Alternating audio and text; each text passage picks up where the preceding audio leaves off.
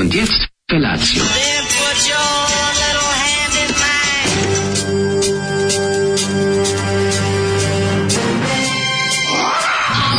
Grupa rozvojenih mladića trči po studenom vazduhu pre zore. Alarm! A ima da kane, nema problema. Svakog radnog jutra, od 7 do 10. Hajde!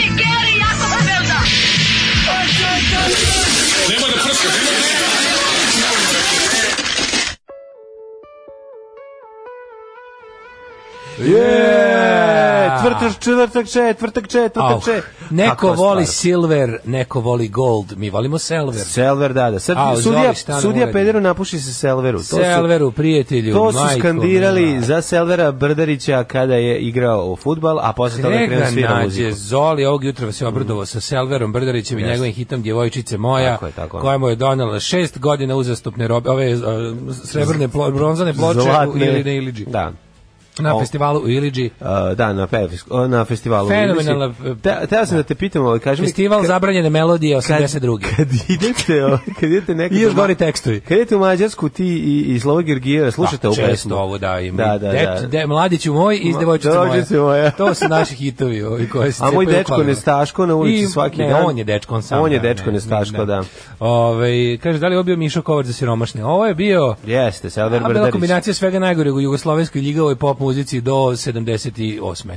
Da, da tako da... Znači da se prati pažnju na tekst, Sve pa što važno tekst, no, znači pa devojčica postaje žena, ljubav boli. Da, da, da, da ljubav onako boli. skoro pa starijim muškarcem i ostalo. baš je. Da. Mislim na ivici je kako bih rekao da je Vuk Drašković ovo prečitao tekstove, a da on treba da nastupa recimo da. u domu omladine. Komotno. Vuk Drašković je rekao: "Ovo ne može." Ma vide, to to je možda ranije Vuk Drašković, ali Vuk da. Drašković koji nego erotsku poeziju u okviru svoje stranke kasnije. E, o, u doba više stranačja, onda bi, rekao to je naš čovjek, izvolite. Tako je. O, pa ovo je Milan Komnenić 2. Mm. Ovaj Kad je četvrtak, neki četvrtak što bi se reklo. E napolje jako hladno, napolje je hladno, materijalno je svetlo.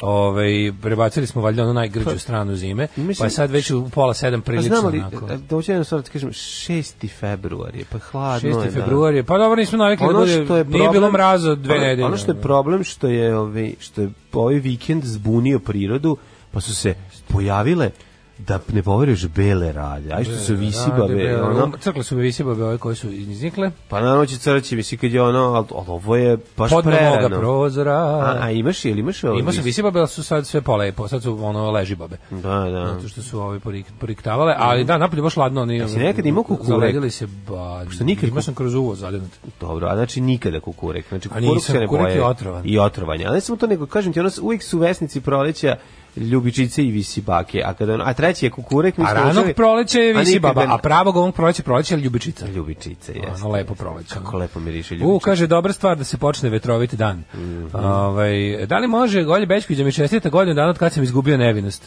Opa, neko već napunio 42 godine. Bravo, Opa, bravo. Bravo, bravo. E, da, može. E, da li si, da li smo mi svi zajedno, ali ne ono kao nevinost, kao... Bez zaštite. To, bili smo nevini sa više, nego dali smo mi kao e, ljudi e, izgubili nevinost? Da. Čestitam onom koji je izgubio nevinost, sam mu jutro si je mlađa. Dobro, dobro jutro, dobro jutro. Hvala Volja što ste me pozvali u vašu emisiju koja traje danas, 3 sata. Da, naravno umrećete ovde šest puta, nema mm. problema, budete zanimljivi samo. Danas je moje malo jadi treći rođendan i Bobu Marliju. Može li čestitka od napušene Vojvođanke? Može. Napušena Vojvođanka. Može, ovaj čestitam, mislim čestitka od napušene Vojvođanke. Da, piše čestitka od napušene Vojvođanke. Pa ko je to napušene Vojvođanke? Pa vidi Kikinđenka, Vojvođanka. Pa Kikinđenka da bude. E, napušen na Kikinđaka, pozdrav, čestitam mu rođendan, treći. Jao. Ovaj, svaka čast, samo jao, napred. Jao, iskočekaj, šta je plus 47, šta smo rekli? Da napušimo ganđu. Koja zemlja je plus 47 da ti... Švedska. Da ti... 47, 6. 47?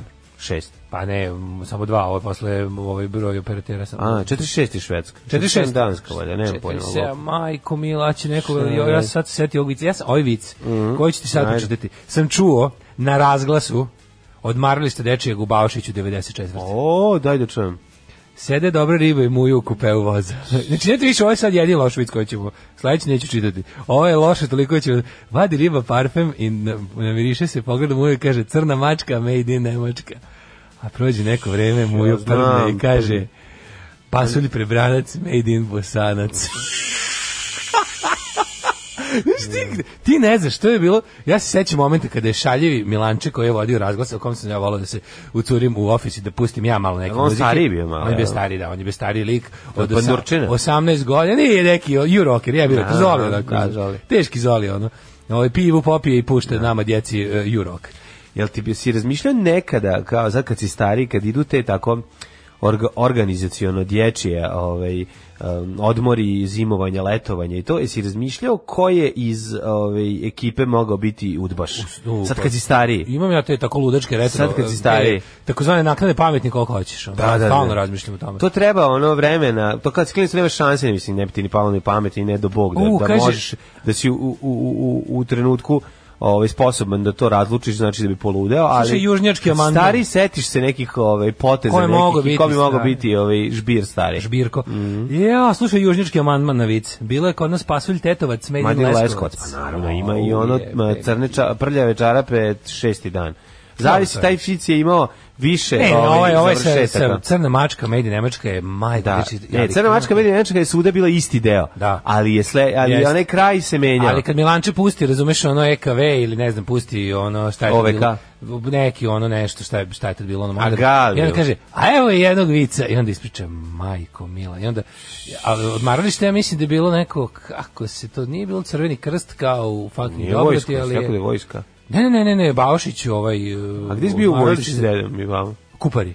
Kupari. I Baške vode. Ti se mogu se setiti. Baško polje. Baško sam epizodu. Ovaj, Baško polje, Kupari, tamo su bili najbolji vojni hoteli. Pa znam. Tamo sam prvi put video, 86. to bilo jako redko, sam video onaj indoor bazen to je bilo samo vojnim odmaralištima ono koje će Da nije bio Spence nije bilo ništa nisi, nisi vojnik da-, da može da može general da, da, da može da puko, major i naviše da, da. Ove, ovaj, kaže slušaj emisiju od pre dva dana i zaključio uh, par stvari pod jedan Harđinić nije peder pod dva Mladen Vrdarić nije jasline. sline Ove, ovaj, uh, uvijek šetam kaže profesorici Švice uvijek šetan kuću uz vas to mi je već dnevni ritual Danas se zeznam i izađem s Leonardom Cohenom, pa sam plakala usput. Da ste vi meni živi i zdravi, vaše blebetanje je ljekovito. E. Tužno je to tamo na Balkanu, ali vas dvojice to popravite, pa umrem od smijeha. Eh, u, baš druga kojena poželim da se ubije mi seba i kuće. Joj, da, zna kojen leći u nezgodnom trenutku. Da. Kažem ti, ja imam taj problem što mi je sve Leonard Cohen nakon albuma The Future iz 92. mi je cheesy, a to je nešto od, na šta svi najviše umiru. Sve te You Want It Darker, Ten New Songs, ove, one, meni to sve nekako, nemam pojma.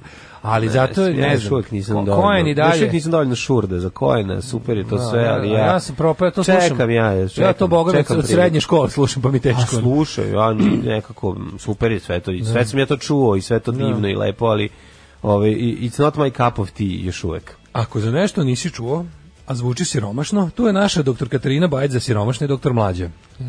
Njemu te slušam podcast Rondo, mislio sam da sam ja to sanjao sve. Na mlečni Rondo mislim. Rondo, Joj, hvala vam, oslobodilo me ovo. Pa jesam, znači koliko sam ja, ja sam se toliko mučio sa tom, tim bombonicama, znači držao sam tu sliku u glavi, a nisam mogu da setim šta piše. Nisam mogu naslov. Znači plave, plava gomota se sećam, sećam se ukusa bombone. Svega se sećam milion puta, ali ne mogu da se nisam mogu da setim imena. Kod vica, I kod, ovog, kod ovog vica je jako važno da ne kažeš made in nego made in. Made ja se in, jeste, To je da, da. kad čovjek jednostavno, to se teret pameti. Da, Kada da. čovjek nešto nauči, onda unazad ne može da odnauči, ali u stvari jako je važno da bude glupao. Pa dosta dugo vremena si govorio made in. Pa da, i onda kad si da- ga naučio pravilno, onda sada da. Mm. A u stvari taj vic vredi samo kad je, se kaže made in. Samo kad je made i ni ništa drugo. Slušamo malo Pudžiz. Pudžiz! Pogs, Pogs se slušamo. Uh, bajka Njujorka, najlepša pesma. Da, da, da, Kako ja volim ovu pesmu. Ovo je A, jest, stvarno je predivna. Stvarno. Ovo su Kirsti McCall i uh, popularni Shane McGowan Pogsi. Da. Otiš, Umro Kirk Douglas. Otišao nam Kirk Išur Danilović nam se o, izlogovao. Išur, o, izlogovao se gospod Išur 103. Danilović. godine. 103. godina. Mm, 103. Da je, godina. Da, kaže da ga je pronašla snajka, ovaj, došla, otišla ujutro da mu odnese kafu. Zetrin Hita Jones i Zetrin Kita Jones nađe ga kako ovaj kaže da je u snu umro. Ka, mla, stari kaže bio i kad je umro. Stari bio kad je umro i u snu je umro. Kaže uopšte nije ustao, prvo udario nogom da, o gasto, po mali prst, a umro. To nalaže tamo da ljudi umru u snu kao. Da, da, da. je... Živela je sama i umrla mirno u snu, mirno a ona snu. 45 minuta skakala da, po sobi. A, umirem, pa dole, da, i na kraju. Ne, pavam krevicama. Da, ne, prvo ustaneš, udariš se, da. onda udariš dva puta, da, onda glavom zvekneš. Srce ti izlazi na usta. Da, da, da. Da, sa, ono, da u isto vreme infarktiš log dobiješ, pa skačeš. Pa padeš, pa srce stane stane, pa stane, vrištiš. Pa kao, to je kraj, onda srce ponovo počne da raditi i opet ustaneš. I onda padneš na krevet i ujutro dađe kaže, aha, da. otišao, otišao u snu, mirno. Da, da, mirno. Niko ne zna kako je bilo. A ne zna da bio pakao je. Ovaj e, kaže ovako, ovaj najlepša pesma je Summer in Siam, a za koja na kruži priča da je rođen mator i to sa šeširom. Moguće, sa, ovaj, sa sve cigarom. Sa sve cigarom. Evo, mladine, ovaj, kaži ti meni. How was your day, honey? Bio je dobar. Znači, kako Be Babylon Berlin. Au, ju, kako je dobra serija. Ako je tebi. Kako je dobra Babylon Berlin. Tebi kad nismo morali napolje. Pa, Sreći na snimanju. I prekiče sam bio na snimanju. Sino, no, da, juče, da, juče, da. a juče sam isto bio napolje. Juče sam da kupim neke stvari. Falilo pelena, falilo ovog, falilo onog. Falilo onog treba, znaš kako se sad to troši brzo, to sad Ju, ide. Majko, ja kad, ja kad sam vidio koliko pakovanje pelena. Da, da, da, jako skupo. A pa dobro, mm. ovaj, znaš šta, taman to što ti daju... Što je pakovanje pelena koliko košta više od bebe? Taman to što ti vrate, e, kao što ti daju taj neki od grada i što dobiješ za rođenje. Ne dobiješ to, ali to ti legne za recimo pola pola tih troškova. Čekaj, čekaj, čekaj. Pola troškova pala. Koliko stignute pare? Ste dobili već za Za prvog smo, za Fajs smo dobili, da. da. Posle da. koliko godina to dođe? A nije, posle koliko godina dođeš posle šest meseci. Aha, znači sad bi trebalo doći će i za malog, za Antona. Pa doći će u plave, a išao sam prekiče u grad to da uplati. A to Ne prekiče, da. nego u, pa u ponedeljak sam išao. Aha, u znači ipak bude, da stigne to relativno na vreme, relativno na vreme. Pa par meseci se čeka, mesec i po dana. Dobro, znači čeka godinama, mislim. A nije, nije, čeka. Pa funkcioniše, plate. I bude pola, kao i ovaj, vi pa kako to pokrije pola. Vi šta država voli da plati? Pola ti plati i sahrani i pola rođenja. Pola rođenja. To su ne, ne plati pola sahrani. Pa dobiš 331.900 31, refundacije. Ako preko prebaciš... Ako uplaćuješ. Uh, ako si e, ako si pio jeo fond, da preko pio jeo fond, ako si bio zaposlen ima penziju. A dobi se lapo, jel da? Dobi se, ni to lapo, ti možeš te pare i da se ono, možeš ti da A šta možeš? Ono, možeš šta da neku da najskromniju varijantu, no? Koja najskromnija varijanta te stojeći ubace u stojeći rol. A e, imaš, imaš, imaš, imaš da, sanduk za 13, imaš sanduk za 13.000, a imaš i za 30. Imaš ti sve jedan sanduk. Ima sanduk za 13 ili? Ima sanduk za 13.000. Pa to je do jaja. O, pa jeste, pa da. Mislim, ja, ja, kartonski. Ja sam sve svoje pretke u to stavio jer su išli u forunu svakako, a moraš da kupiš sanduk. Šta da kupiš skuplji sanduk od toga ako će ga. Šta će ti skuplji sanduk Kinder? Inače, Kažem, inače, inače kao glupo, da, apsolutno glupo. I da. tebi je kao bitno. Svako investiranje u... A pa mene bi baba ustala, moja baba kad bi čula da sam platio sanduk 30.000, ustala bi iz mrtvih i zadara. Morila bi vas do kraja. Šutnula bi me u glavu. Da, da, da, ne, proganjala bi vas sve do kraja večera. A pa da, bila bi Vraćala bi Platili ste 30.000. Da, krva, krvam jebem, zato i šta je to. Ti šta je to? Skok to jaja. Pa da. Ne, možeš ti. A pa sve bi u jaja ili u meso. Da, koliko je da, mesa da, ili orah. pa, da. Ili oraha. Da, ma da, ne da. orah, a stavi govno, orah i u govno pa će biti lepo. Da. To je najbolje, kad se e, posere na tortu. Imaš torta ima po 500 g pola kila oraha. stavi Sve živo, orah i u govno pa će biti lepo. Ako si bio skoro, nisi verovatno, ne znam da si bio ovaj, kad je E, to kao lisje šop kad odeš u lisje šop što ima sve ima tri klase. Ne znam, baš nisam prolazio, eto. Pa ne, kad si imao, ne znam ko se bavio babom posle, da, ovaj, da, da, koji je bio da, da. menadžer sahrane. Da, ja sam pa- skoro bio menadžer sahrane. Ne, ne, ne, ali bio si, bio si sekretar u kopa. Bio sam sekretar u kopa, da, pa sam tu prošao i imao sam dobar budžet, mogu ti reći. Da, da li mi ljudi kojima kojima sam organizovao, kojima sam bio menadžer sahrane, su imali budžet. Moj burazir je bio e, menadžer u kopa, tako da se. Verovao ne sam, ovaj dao novac ne svoj, tuđ novac, kao sam dao za skup kovčeg. Oho. Ovaj i mogu ti reći, jesi ti na namigivala mačkica iz šopa. Oko ne kažu, pa, gde da vidimo koju ćemo postavu. Ja kažem, postavu ne moramo, pošto se postava da vidi samo, neće ni uopšte ni videti uopšte, pošto je kovčeg pa, totalno lep, to ako se otvara, krpa ne viri. To ako je otvoren kovčeg, ne, onda, ne, pa nema, naravno. I Iako nije, znaš, može biraš, da imaš postavu od 1000, 3 i 5. Rekao, dajte mi ovo bilo koje, pošto je kovčeg toliko lep da nema šta da ga, ovaj, Nemoj za 5000 da će doći ne. ono Topalović da ga otvaraju. i Što je bilo ovaj isto rekao koji ćete vrstu slova za ovaj za za pož. Mm -hmm. Koji ćete vrstu slova za pož, onda još obična bela ta tašti 3 dinara komad, mm -hmm. a mhm. imaš i 20 dinara komad, ona što deluje no, kao da od metala. Da, Mesinga, da, zapravo isto plastika, samo da. su ovaj. Isto, isto obična bela bolje izgledaju. Ne, najlepše su ove u sredini. Uh, ovako tipografski u sredini da. imaš imaš lepu ćirilicu uh, kao uh, zove se to je Arial rounded. Mhm. Mm -hmm, ta su najlepše. Mm -hmm. Da, onako. Mislim da ja kao tipograf sahrane. A pa znam da znaš. Da ti kažem, ovaj. Ove, ovaj, kaže, volimo vas, ali Cornflakes se vraća na gore deci ponekad. Ove, ovaj, šta je ovo sa on 2020? Rešili svi da umru, samo Šešelj još prdi. Šešelj će no. živjeti, ono i kad umre, njegov nos će ostati živ, ono i preći će na nekog drugog. Ovaj da nastavi da život. Ovaj A ja sam juče ovaj Ko još pa da, ovaj preminuo nam i i i i Dragoljub Žarković, Žarković Sve, jako žari, mi žal. Čoveče, e, jako mi je žal. Mislim da njemu njemu malo više vremena da posvetimo kasnije. Da. Dragoljub Žarković glavni urednik ove vremena. Mm -hmm. Ovaj njemu ćemo malo više nešto posle reći za Kirka Daglasa s kojim nismo imali prilike nikada da se upoznamo sa Žarkovićem da. jesmo. Dobro, Kirk Daglas ne. Kirk Daglas smo možda duže poznavali ovako uživo. Beleži sve naše živote, ono mislim svima nama, ovaj, gledaoci ga od Spartaka, gledaoci kako izlazi znaš da. da Kirk Douglas je ono prošao kroz kako ti kažem, ne postoji, ja ne znam, ono kao ja ću reći svi trenutno živi ljudi na svetu ja znaju reći šta je tajna njegove dugovečnosti. To što je rano se rodio, kasno umro. Malo je jeo.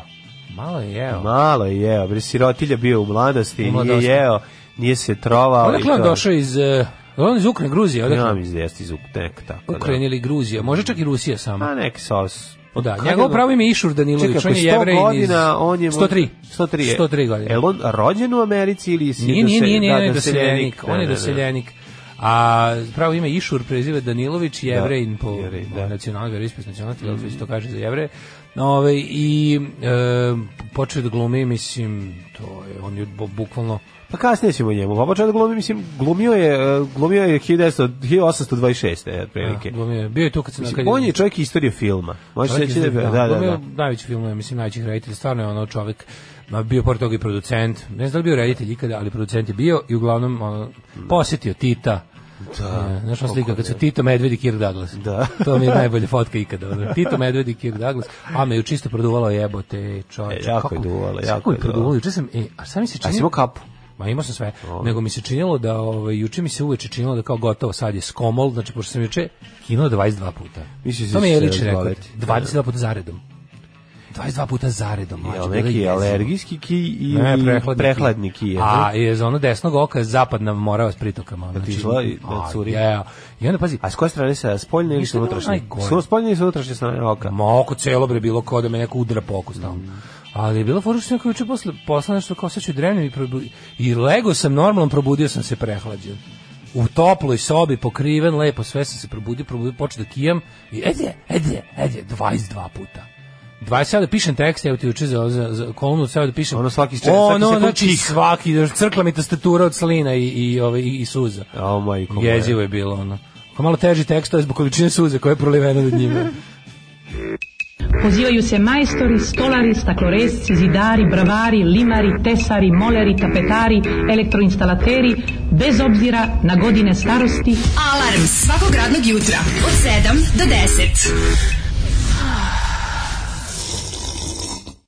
Voza grad. Kako dobra stvar.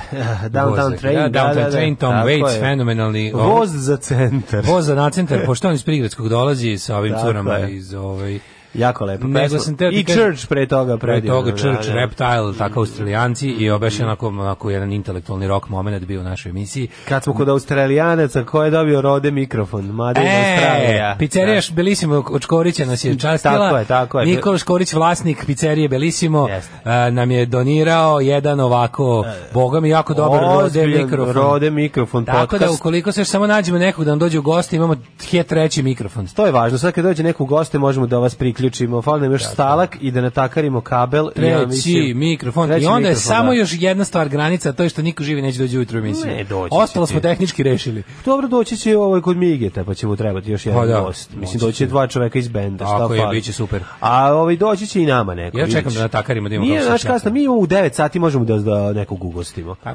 teoretski da, ali pa, svi da. ljudi koji se mi kad pozvao su rekli, e, ali možete da se snimi popodne. Nije to problem što je to tako rano, problem je što nismo u Beogradu da bi ti svi ljudi došli. Pa mislim neće ni ovi iz Novog Sada da ustanu da, tako rano. Da ovi što ustanu rano idu na posao. Znam. A ovi što ne ustanu neće da ustanu. Eto to ti je prilike tajna našeg nemanja gostiju. Ne, nego nemaš više 25 godina, nego ja imam blizu 45, tako da to je razlog i onda ne možeš ljudi da govorite smo mlađi, svi bi došli. Tomislav Čeko to je Tom Waits. Tom Waits, Tomislav Nego, ja bih samo da pozdravim pekere mamička. Da, da. Da ih pozdravim što su mi ovi sponzori mogu, znaš kako si se ujao za jezik? Neka si se. Dobili smo jedno 5 kila najkvalitetnijih mm. pita i kiflica. Ljudi moji, juče posle da. emisije, banula manažerka i kaže, mi imamo nešto za vas, vi ste naši idoli carevi, ne znam kako da izražimo zahvalnost što postojite, stvarno ste legende. Postoji način, postoji I kaže ona, da li, kažem, da li je možda način. u redu ovaj kad su ovaj um, stari Egipćani izmislili uzgoj žitarica ovaj, nema potrebe da nam se zahvaljujete, mm. nego proizvode tih e, žitarica a, e, svalite u neku pitu i kiflicu. Da, tako, trpajte meso, trpajte džem um, i, i donesite. To, majko mila, znaš smo, dobili smo, dobili smo da. sa,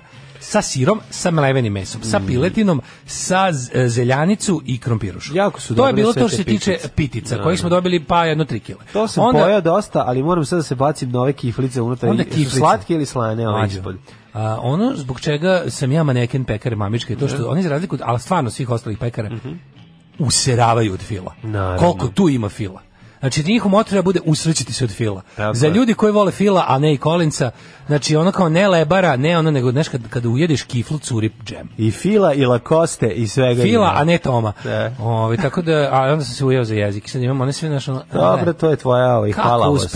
A zašto, zato, što, zato što vidi, tolika sreća. Ja sam vidio kako ti lučiš i mikrokozmiš kad treba počneš da jedeš nešto što dobili, ti sviđa. Dobili skup mikrofona mlađina, to kaže, fali nam još i stalak. Ne, ne, kažem ja to, ja kažem šta je, zato što će biti, ajde danas u ugostite već nekog, ne možemo da ugostimo. Dakle, kupit ćemo stalak i kupit ćemo kabao i da bi će, čekaj, Daško ja treba da ga otvorimo posle emisije, nismo imali da vremena. Da deflorišemo. Da ga deflorišemo, da ga pogledamo, da ga njušimo. Zašto? Zato što piše proizvedeno u Australiji. Jo. A ja i on se jako ložimo. A imamo kako ne, pa mi smo australijski nacionalisti, imamo da. australijsku zastavu na ulazu. Imamo australijsku zastavu, imamo I kengurova muda. Kengurova muda za otvaranje, ovaj kako se zove, flaša, zahvaljujući drugarici Smilji. Da nam većina stvari u studiju nije iz Kine, bila bi iz Australije. pa Ove, e, da, e, e, imamo i stolicu pripadajuću, a, da, tako da sve će biti. A imam koalu punu cijanide, što nam je Šimić i Šmrekova posla. Jeste, kaže, mladin, ako se krvni sudovi štede, što kakvih masnoća šećera u ranoj mladosti može potegnuti dugo. Pa da. Čula moja mama da govorite o Kirku Douglasu, kaže šta umro, pa s kim ćemo sada da se poredimo? To kod nas kad neko spomene za nekog mm. da, e, koji je umro ima 80 godina, kaže se ovaj naživeo se, ne a onda da. sledi komentar, a Kirk Douglas, on se preživeo, ne. Da. svake godine Uh, su se poredile E, e, svi samo sa njime. Jeste, jeste. Isto, Krik kaže, naglas, čuveni. Kako se zove pesma koja često ide na vašem radiju, zove se, pominje se Matador, ja mislim da se radi o grupi Ex Mal Deutschland, mm -hmm. E, uh, koja je od vas dvojice onako veći lady. Kaže, koja od vas dvojice? Ta stvar. Koja od vas dvojice onako veći ladies man? Ja bih rekao mlađa, mlađa. Mm -hmm. Kako ne? Ja sam stidljiv, ja sam malo stidljiva. Ovaj. I... Ko, je, ko je veći ladies man? Ladies man, da, aha. Da, ko je više ženska, još mlađa. Ženska, ja, ja. Mlađa, ja sam Šta god treba. Ne, daš ja te povučen, daš te povučen porodični čovjek. ja sam jako povučen za Ja sam teški me, me ženska, da, ženska, da, da. ja tako, ne, ja kad negde mi idemo, ja iza neke kablove nešto gledam, da. kakva je oprema. Tako je. Znaš, volim se družiti. A ja pokazujem, pokazujem kablove. Ja, ja da mi sa toncem se raspitam, jo što sam video tonca sinoć kako ima. Kako je dobar lik. Ja nikad nisam. Ja sam veliko da zaista stvarno nosi. Da, da, da. Znači, tonac majicu, namešta svirku tamo i dolazi, ima majicu, piše napred sound guy, a na leđima a u prevodu sjebo sam ja i veće koncerte od ovog. Od ovog, da, Kako da, da, je da, da, dobra da, fora. Odlično. Super je majica. majicu, vidio sam. Ove, um, da, tako da ja služim stoncima dok mlađe mm -hmm. očijuka. A zašto to pitaju? Da. Šta, šta ih to pa zanima? A ne znam. Kaže, Daško možda men's man. Men's man u prevodu muškarčina. Muškarčina. Ljudina. Sako ljudina. Da, da, da. Čovjek ljudina. Ti mogu da, da gostuješ na eh, televiziju Republike Srpske, ovaj, imaju super emisiju ljudovanje, ne znam da si to ja, vidio. Meni ljudovanje zvuči kao ljudožderstvo. Pa, ljudovanje zvuči kao jedenje ljudi. Ako pogledaš pet minuta, imaćeš osjećaj da te neko jede. Meni kad neko kaže ljudujemo, ljudovanje, ljud, da, meni to da. zvuči kao ljudožderstvo, kao jeli smo Ljudovanje izgleda kao pravimo rošti ljudi od čoveka. Da. Kaže njaške, smeješ se grkljenom. Nije bre čoveče, živa istina. Pa ja mislim istina sam ja povučen strašno. Mm -hmm. Ovaj e, pa ja ga povlače ja bi vam, da. dok ja stavim sa strane. ja bivam povlačen tako nekoliko puta. A mlađe Bore Ladies Man. Ja bih vam došao da. iz Surčina, toliko vas volim. Pa dođi kako, bre. Kako ovo ovaj suptilno pozivanje samog sebe? Da, da, u goste. Pa dođi iz Surčina. Mm. Doći e, da- nam krudi posle emisije zajedno. Kaže, editor si u Zagrebu u subotu, pa ko želi u mogućnosti je. Joj, Idem 14. E, marta kada, kada Migi s bajonetima svira u Pešti, u Zagrebu, Boomtown Red sa Bobom Geldofom. Nemoj zezati. Boomtown Red, čovječ, imaći povratnički album posle 20, 36 godina. Oh. Imaju novi album, zove se Citizens of Boomtown i promovišu ga. Mm -hmm dolaze u Zagreb 14. marta, to jako, jako, jako. Ponovo mladi. Jako se raduju. To je slatko, to će biti da, lepo. to reći pretran bend. Da, jes. Znači, ono bend čiji sve albume imam, znam mm. svaku stvar, baš volim. Ono. I to mi je drago. I mislio sam da to nikad neću gledati, ono, to mi je kao ono... Ne postavi bend koji se neće okupiti, svi će se okupiti. Clash neće. O, okupit će se. A pa kako će se okupiti Clash, ko će peva? Pa, pa i... A i neće, za život. Hologram. Hvala. Čitao sam skoro nešto što nisam znao za života. Joe Stramer tamo negde 2002. Kad Kako kad umro, neću da se pojavljam više. Ne, ne, 2002. Ja sam mislio da su Clash kad su ono Pistolsi tamo mm. kad krajem 90-ih počeli da se kupiti to sve, Clash su odbili. I onda su dobili ponudu za Lollapalooza festival koja je bila jako velika i odbili su. Mm -hmm. E onda posle kad su se ovaj Mick Jones i Joe Stramer prvi put pa nisu se pomirali ranije, ali nisu Čekaj, bili kako su oni po, popičkali? Popičkali su se 83. Zbog bas pedale? Da, zbog ko će kupiti bateriju za za, za, za da. da, i ovaj kad su se popičkali kad je ovaj glupi Joe Stramic bacio Mika Jonesa iz, iz Clash i snimio onaj prednji album Cut the Crap i on se band raspao i Joe Stramic priznao da je ispog glup i sve to i bi jelo ga je to 20 godina i ovaj, pomirili su se poslali da. i ovaj imao Big Audio Dynamite timo bio, bio uspešni muzičar od njega da, ono. i posle se Joe Stramic vratio napravio skalera se pa ma i onda su ne znam ovaj, par meseci pre nego što će Joe da umreti su svirali na nekom uh, kao benefit koncertu za londonske vatrogasce u štrajku. I tu su svirali London's Burning i obojice se naložili kako smo, zašto smo kao kao što smo prestajali, što smo se svađali, što zbog tebe, pa zbog tebe smo. A, pa da, što je debil. da. O, bio, ovaj bio, bio debil na, na naspidašeni. I onda, ovaj i, i onda su se kao je mogli ponovo i tu neko opet njima ponudio neke ozbiljne pare.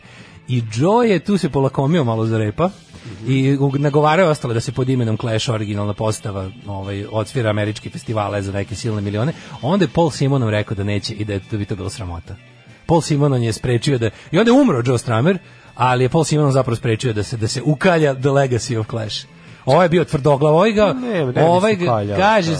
zvao me, su kaljali, nekad, ne, ne, carski što nisu. I to i ono isto koji Dead Kennedys. Neki bendovi, razumeš, da. ono, okej okay, kada vidi, okej okay, kada bend ode na ono kao fazonu nismo se raspali, nego samo eto, nemamo inspiracije, nemamo volje, nemaš pa, pa nešto odlutamo pa se vratimo. Ali kad se bend tako gromoglasno raspadne, i oglasi ono kraj za sva vremena, onda mi je šupački. Ne, ako su rekli kraj za sva vremena, ne znam e, pa, za to da jesu, da, da, je, da, je, da tako da. bilo. Ove, ovaj, e, hoćemo u prošlost? Zašto da ne? Ajde. Ej, pročitali smo malo Išuru. Da Ej, čekaj bre, čekaj, čekaj, pa najvažnije od svega nisam, nisam pročitao celu poruku za editorse. Ajde. Čovjek poklanja dve karte za editorse, ne može da ide. Znači, javite se, dve karte su varijanta printed home, mm -hmm. znači dobijete, lik je kupio, neki naš slušalac, nisam potpisao, dve karte za editor se u Zagrebu, javite se, evo purgiri neki nek se jave, pa da. džabe i dobijete verovatno čoveka link da, da odštampate pa, si da karte sebi, da, da. i da. idete na super band. Ajmo Zagrebčani, ajmo. Poklanjamo čoveče. Kad je to za vikenda da sad ili kad? U pojde? subotu. U subotu, ajmo Zagrebčani. Evo, ko će prosledećemo, ovaj, ko se javi ovdje, ja prosledim čoveku ovaj, ajmo. kontakte pa se vidimo. Si ne more Zagrebčani, ali eto ko, ako neko ne, ne, da pali Zagreb, ko god želi. Ajmo prošlost. Ajde.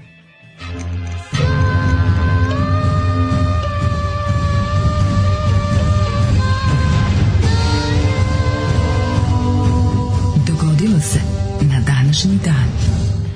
Nikad nisam verovao da ću doživjeti stotu, stotu doživjeti stotu, ovaj, to me je šokiralo, iz, jedno mi je izgovorio Kirk Douglas, to mi je da, genijalno. to ga je šokiralo, od šoka tri godine kasnije umro. Da, da, da. ja, glasam ga prošle godine, pa on je bio, onako, on je bio ono kako se kaže Luci bio je skroz ono kao naš ono da. ne bio to baš lucidan da, da. do kraja života on je prošle godine u neku šta ja znam kod prošle godine gostao kod Bila Mara bio onako spori ono znaš da, kao da, bio je već je stvarno treba mora se imaš strpljenje da ga sasluša ali to što govori nije bilo bulažnjenje razumeš nije, bilo lupetanje samo bio fizički sprečen da brzo govori pa nije više mogao ali je bio bister razumeš mhm. on je super pričao samo što je trajalo trajalo dok ne izgovorio da nije baš televiziju pogotovo za ovog za komunja, mm -hmm. ali super bilo. Ove, ovaj, danas je Vajtangi Day, nacionalni dan Novog Zelanda, čisto znate. Bravo Novozelanđani i svim Novozelanđanima na privrednom radu u Srbiji čestitamo praznik. 6. februar, 37. dan godine, do kraja godine imamo još uh, svega 329 dana. Da. Sada te pitam nešto, mislim, da li si možda razmišljao, mislim, ne moraš žuriti sada, ali opet, naš 329 puta spavaš i već je nova godina, ne si... Gde ćeš da na luđu Ja bih volao da posjetim rodno mesto Kirka Daglasa, za koje sam umeđu vremenu saznao da uopšte nije u Rusiji, nego da se jeste rodio A, u, u Americi. Rodio se u Njurku, njegovi roditelji su taman došli iz Belorusije. U 1916. 1916. Roditelji su mu da. tek stigli iz uh, današnje Belorusije, mm -hmm. tad je to bilo Rusko carstvo, mm -hmm. ove, ovaj, i rodio se u, u ipak u, u Njurku, New Yorku, pa ja da. posjetio njegovo rodno selo, ako nije problem. Zašto da ne, zašto da ne. bi. Inače, on ima problem ovaj, kada je pravio svoju ovaj, Facebook stranicu o, prvo godina koju može staviti rođenje 1915.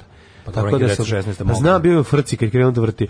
Hoće biti od neće moći da staviti ne, 100 godina. Znači, interesantno, on je dok je, dok je MySpace bio popularan, on je bio najstariji celebrity bloger, on je tipa do, pa do skoro je pisao blog. Jeste? Da, na Huffington Postu je pisao a pre toga je pisao na MySpace. Simulatorac. Kako car. Uh, ova, znači, to je razmišljao tamo, on je imao, on je imao mlađu 50 godina kad su se pojavili, kad su Beatlesi bili popularni. Kad su Beatlesi da. kao Beatlemania. On je bio mater za, bi, on za Beatles. Beatles. Beatlesi su bili neki klinci koji se deru za njega. Pa da. Nije mogu da ih razume, Da, oni su bili, bili čupavci i drekavci. Da, da, da. da. A, da. Hiljadu, inače je bio poručnik u američkoj mornarici, borio se u drugom svetskom. Odlikovan. Vratu kakva njuš, kakva Likovo odliko, kakav taj. život, to je život, tako, to nije reklama, ček sam malo da se izujem. 1500, ja. oh, majko mila, 1598. Uh, sad će biti puno bolje. A meni puno gore. Nije Sveti, pit puno gore. Sveti Pavao Miki zajedno s dvojicom subraće raspeti na križu u Nagasakiju. Ko? To je ono što smo pričali da, da, o da, japanskim da, hrišćanskim učenicima. Kako je film Tišina? Ti mislim da je Tišina. Uh -huh. 1701 počeo rad za špansko nasleđe, nasleđe pa posle kojeg je Španija izgubila Gibraltar, posjede u Nizozemskoj, Milanskoj vodstvo, Napuljsko kraljevstvo i Sardiniju. Možete reći da je tu Španija ove, ovaj, svedena na a, teritorije. Na da, rat vođen na evropskom tlu i kolonijama završen Utrehcim mirovskim ugovorom 1715. 1799. Francisco Gojkov Goja pušta u prodaju prvo izdanje veličanstvenih gravura poznatijih Los Acaprichos. 1819. Sir Thomas Stamford Raffles utemeljuje Singapur. Novo trgovačko uporište za britansku istočnu indijsku kompaniju. Za Singapurćane. Da, za Singapurćane. Stari govnari iz East India Trading Company su napravili sebi depo mm. da, odatle, ovaj, da odatle uspešno eksploatišu East Indiju.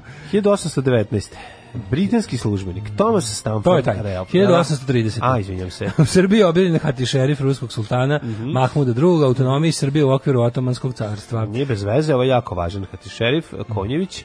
Ovaj, koji je dao ovaj, Srbiji neke među prvim privilegijama. 1876. u Srbiji osnovno društvo Crvenog krsta. Aha. 13 godina nakon osnutka globalne organizacije u Ženevi, mi smo dobili Inicijator bio svoju Vladan Đorđević. Lekar Vladan Đorđević, tako je. Prvi predsjednik bio mitropolit Beogradski Mihajlo. Mm, 1922. A viš, mitropolit Beogradski je valjda danas, to je patrijarh. 1891. Karlovačko-Beogradski. 1891. Aha. Zloglasna braća Dalton uspešno opljačkala voz prvi put. 1918. Koje godine su oni to radili? 1891. 1891. 1918. žene Velike Britanije dobile pravo glasa. 1922. Ujedinjeno kraljevstvo Francuska, Japan, Italija i sad su potpisale Vašingtonski sporazum uh, da bi izbegle pomorsku trku u naoružanju. Radi ograničenja pomorskog naoružanja, mm -hmm. ovo je mhm. isto bi jedan u nizu bespotrebnih potpisa koji niko nije poštovao. Mm -hmm. 1935. u provodu puštena igra Monopol. Kako godine? 35. 35 od 35 od 1935 se prave ma, mladi kapitalisti. Mladi Kod nas. U Rumuniji nije nikad stigla, ovaj, gledali smo seriju Tovariš milicija 0, ali ovaj, ali smo ovaj kod to, nas je stigla negde 80. Tovaru, to, eh, eh, tovarišu milicijan, milicijan. Da, da, da. Ovaj super kako je dobro to kad u toj kako se zove inače ta Comrade Detective. Comrade Detective, da. Da Comrade Detective kada kada prijavi svoje roditelje za znači što su, da. što su doneli monopol iz, iz ove, ovaj, Evrope. Ne, nisu doneli monopol, oni, igrali oni ide da pita njih šta je monopol, pa a zato što preveć oni u zatvoru ih je da, nešto da, drugo da. prijavio. Da, drugo je prijavio, da, da. da. A da, upravo si, da, da, ide da ih... Kako to dobro, ne, Ćale i su bili neki diplomate koji su se navukle na raskoš, je tako? Pa, da, pa on kao klinac prijavio. Da, jer ih, e, kad je čitao nešto iz Čaušeskove knjige, oni su naglas nasmijali. I on ih, on ih prijavio. da. 1958. Vijensko nesreće u Minhenskom aerodromu poginulo 23 putnika, među kojima osam igrača Manchester Uniteda. Da, nesreća se dogodila pri povratku iz Beograda, yes. da je engleski tim igra utakmicu Evropskog kupa šampiona sa Crvenom zvezdom. A oni su po, poletali za... Zvezda da. ubija i na daljinu. No. 1959. Mm -hmm. Jack Kilby prijavio patent za prvo integralno ono šumadijsko kolo. Jel zaigrao? E, jeste, ide ovako. T, t, t, t, 1060 val nervira. Otvore X olimpijski igre. Stari, da nešto kako pričam neko integralno. Koja godina je integralno kolo? Integralno kolo 59. Nemoj mi da. govoriti integralno kolo, integralac, odmah mislim da će Ćale da razbije neki TV ovde. I da ga sa Jovom Pećancem kolje tri dana. Nego šta, nego integralac, bre. Znaš, koji mi je plaća? Ma otišao znači. integralac, to je ono izraz, znači kada trust mozga u sastavu moj Ćale, Čika Stipe i Jova Pećanac, da. zajedno kolje blago majko moja, ono, Srbin, Hrvat da, i, i Bosanac. I Bosanac. da. Odlično. Znaš ti kako to bude ekipa, Ali, majko čekaj, čekaj, jedna stvar, ovaj... To znaš da će na stolu umesto ručka s narednih 7 da dana staviti neči grundig. Da se jede grundig. Kome su iznutrice svuda ovaj, po astalu rasute. Ovaj, nego me zanima samo integralno kolo je trebalo... Ko, a si, koja, si, koja je to godina? Ne, malo šta je tužno kao porodični ručak oko zaklanog televizora. Da. Mislim, porodični ručak na smenu, jedemo prvo sestra, ja pa mama i tata. Zašto to nije vaš televizor? Pola TV, pa, to je, da, da. mislim, to je, to nam je lebac na sto donosilo. Da, da. I onda ove ovaj, mi ono kao mi i sestri ja jedemo ono filmove paprike od juče, a pola TV, a pola stola TV raz, no, razvaljeno. Ima, ali, onda bude... Stani, a ne da kažeš nisi volio da zaviriš kako izgleda unutra, baš je moćno. Pa možda prvih 100 puta, a da zadnjih 100 hiljada puta nisam. Dobro. Znači, kad ne, neko otvara elektroniku, pa ja sam Ja sam došao, ja sam Jeste zalepljen. mlađo kad nije djece. svaki dan ceo dan. Da, da, upravo. Kad ono uđeš, dođeš iz da, da, škole, da, kao što ćao. Sluče baki Nikolači svak od zove kad su svaki. Dođeš kažeš ćao, a iz sobe da. čuješ ćale, tako kaže ćao, i čuješ je opet ćao, kaže ćao. I čuješ čika Stipe, tako kaže ćao. I onda osetiš mili, miris e, spaljenog kalaja za lemljenje. Da, u to ja volim. Mm -hmm. Ja volim miris kalaja. Ali pored toga su i popušili svako po 200 cigara. Evo to je problem. Da, i da, panel pasta, ono. Ne, pa ne, htio pasta. Kako se zvala? Pasta za kako pasta za lemljenje. Kako kako se zvala pasta pasta za lemljenje, ima ne, nekog nekog i ne to. Ne znam, ali bilo je to se koristilo. A su imali oni pumpicu za uvlačenje vič, viška. Kako ne? To je dobro. To sam obožavao. To vuče više. To sam obožavao, pa sam pravi sebi kružiće po prstima. Po prstima, da. Onda da, kaže, da, ostavi da. to razjebaćeš mi. I ja naravno nestajem dok ne razjebem. Onda bude, i šta sad da ti radim kretenu? I, ove, ovaj, ali najbolje bilo kada se ovaj zaklan televizor pomeša sa jel ovaj kad delovi ti razni ti čalo ugradi papriku kad su papriku ne obrnuto kada delovi dospeju da hranu a ma dobro da, to je bolje no manje strašno mnogo ta tad su bili kvalitetni delovi da, mogu se pojesti i srati celog da skeljeti čale vrati u integralnoj verziji i bude zvalo integralac integralac da onda baciš onda bude čale dolazi kaže pa mi gde mi integralac gde mi integralac a mi ga prosuli zadnje sa stolja ali integralac da pozobale ga vrane a kaži mi je integralac zapravo nešto što okuplja više, jel više tranzistora? E, integ, integrisano kolo bi se to izraz razne stvari. Pa, Onaj koji se više. lako gubio je da, izgledao da, da. kao buba švaba. Kao buba švaba, da. Onako da, jedna da, pločica sa, sa 6 do 8 do 50 na nogu. Da, da, da, da, da. I onda, znaš, bilo, demintegracije, bem ti sunce. I slično. 1960, to je bilo integralcima. Izvolite. 68 je otvoreno. Ja, e, prešli smo preko monopola, a zadržali smo integralcima. Nikad ne znaš ono. Pazi, i jedno i drugo mi je odnelo dosta znači, života. Ja kod mog druga Gorana Đorića bi odlazio dok da on kolje sprave i da ih zatim ovaj, jako precizno lemi pa ja bi onda eh, sačekao kad on znaš kada krene da se levi pa, pa se digne pa se digne ova ova kako se zove da, da, prašina, prašina, prašina, prašina, prašina, prašina, prašina, Tako Kala, je, taj, kalaj vidim, e onda ja prođem kroz njega. Znaš, kao mhm. što cure nekad prsnu napred, ovaj, ispred da, sebe, da pa prođu pa prođu kroz njega. Da, da. E tako ja prsnem, ovaj, sačekam da, ovaj, da, ovaj, sačekam da moj drug prsne pa prođem kroz to. Eto, čak i smešno. 1971. član posade pola 14. Alan Shepard za igru golf na mjesecu. Da, na, najbolji lem isto bremno se tu Goran Đorić nema niko, znači najpre... Zvali su ga lemi. Pa nije, on je, pra, on je ima, on ima lem kakav nema, znači iz Japana, iz fabrike ga zvali da kažu zašto kopiraš naše lemljenje. Da. Znači kad on zatvori, kad završi Koji japanski ne, robot? Ne zna, ne fabrički. zna se da je otvor fabrički, od fabrički otvori i zatvori. 1900... Evo što je bio, ovaj što je voleo da ovaj da vidi šta se desi kad se šrafcigerom prespoje dve stvari pa malo eksplodira. Da. Taj deo njega nismo mogli da ovaj. Zato sam se začudio da, da on da. ništa popravi. Ne, ne, ne, ne, ne, pod kontrol, a kad je kontrolisan onda je genijalan. Da, kad dvojice drže. Da, da, da. 1993. predsjednici tri zaraćene strane u Bosni da. odbili mirovni plan. Naravno, ko je lud pa ko je lud da nastavi? Ovde ne možemo minimum rata da održavam mi vi hoćete mirovni plan. 94. šef opozicionih socijaldemokrata Marti Ahtisari pobedio na prvim direktnim predsjedničkim izborima mm -hmm. u Finskoj, pobediti, pobedivši ministarku odbrane Elizabeth Ren. Jel on najomraženiji e, uh, političar u nas? Pa, jedan da od, da imaš ovako. jedan od. Da bi da. napravio top, top, ne znam ja koliko, da, da, recimo da, da. da bi tu pa bili... Bill Clinton? Clinton, Kerry, Tony Blair. Tony Blair, Clinton, Clinton, da, da, da. Genscher. Genšer.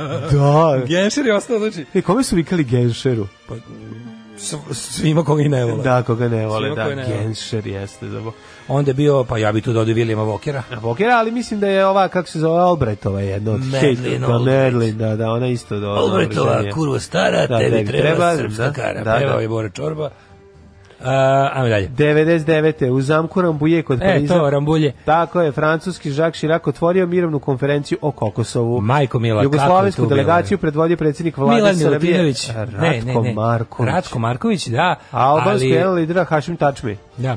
To je bilo jako interesantno, gde su da. ovi, ovaj, Sećaš se ono kad izlazi debeli šef Gervas i Twinkle Minkelson zvani Milan Milutinović? Da, koji se smeje. Kod neko kaže šta će biti, on kaže ke sera, sera, ja da. da sam bombe.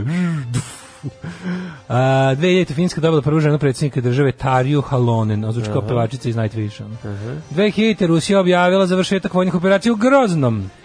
Ariel Sharon pobedio na izborima za izraelskog premijera 2001. Posle 50 godina kineski brod prvi put legalno plovio u kotliju se na ostrvu Čuje moj, Čuje moj se na nalazi po tajvanskom vlašću, da? Da, i evo recimo ovako, Genocid u Ruandi. Genocid u Ruandi, ne, presuda za genocid da, u da, Ruandi. Da, da. Ovi, ovaj, to je katolički sveštenik, ovaj, mm -hmm. predao se Hagu u 2013. Najmanje četiri osobe poginule u tsunamiju izazvane potresu koje je pogodio Solomonska ostrva. Mm -hmm. Šta je to? Šta je u stvari bodybuilding? Alarm! Alarm! Svakog radnog jutra od 7 do 10 sa mlađom i Daškom. Hoćeš malo? oh, oh, oh. Yeah!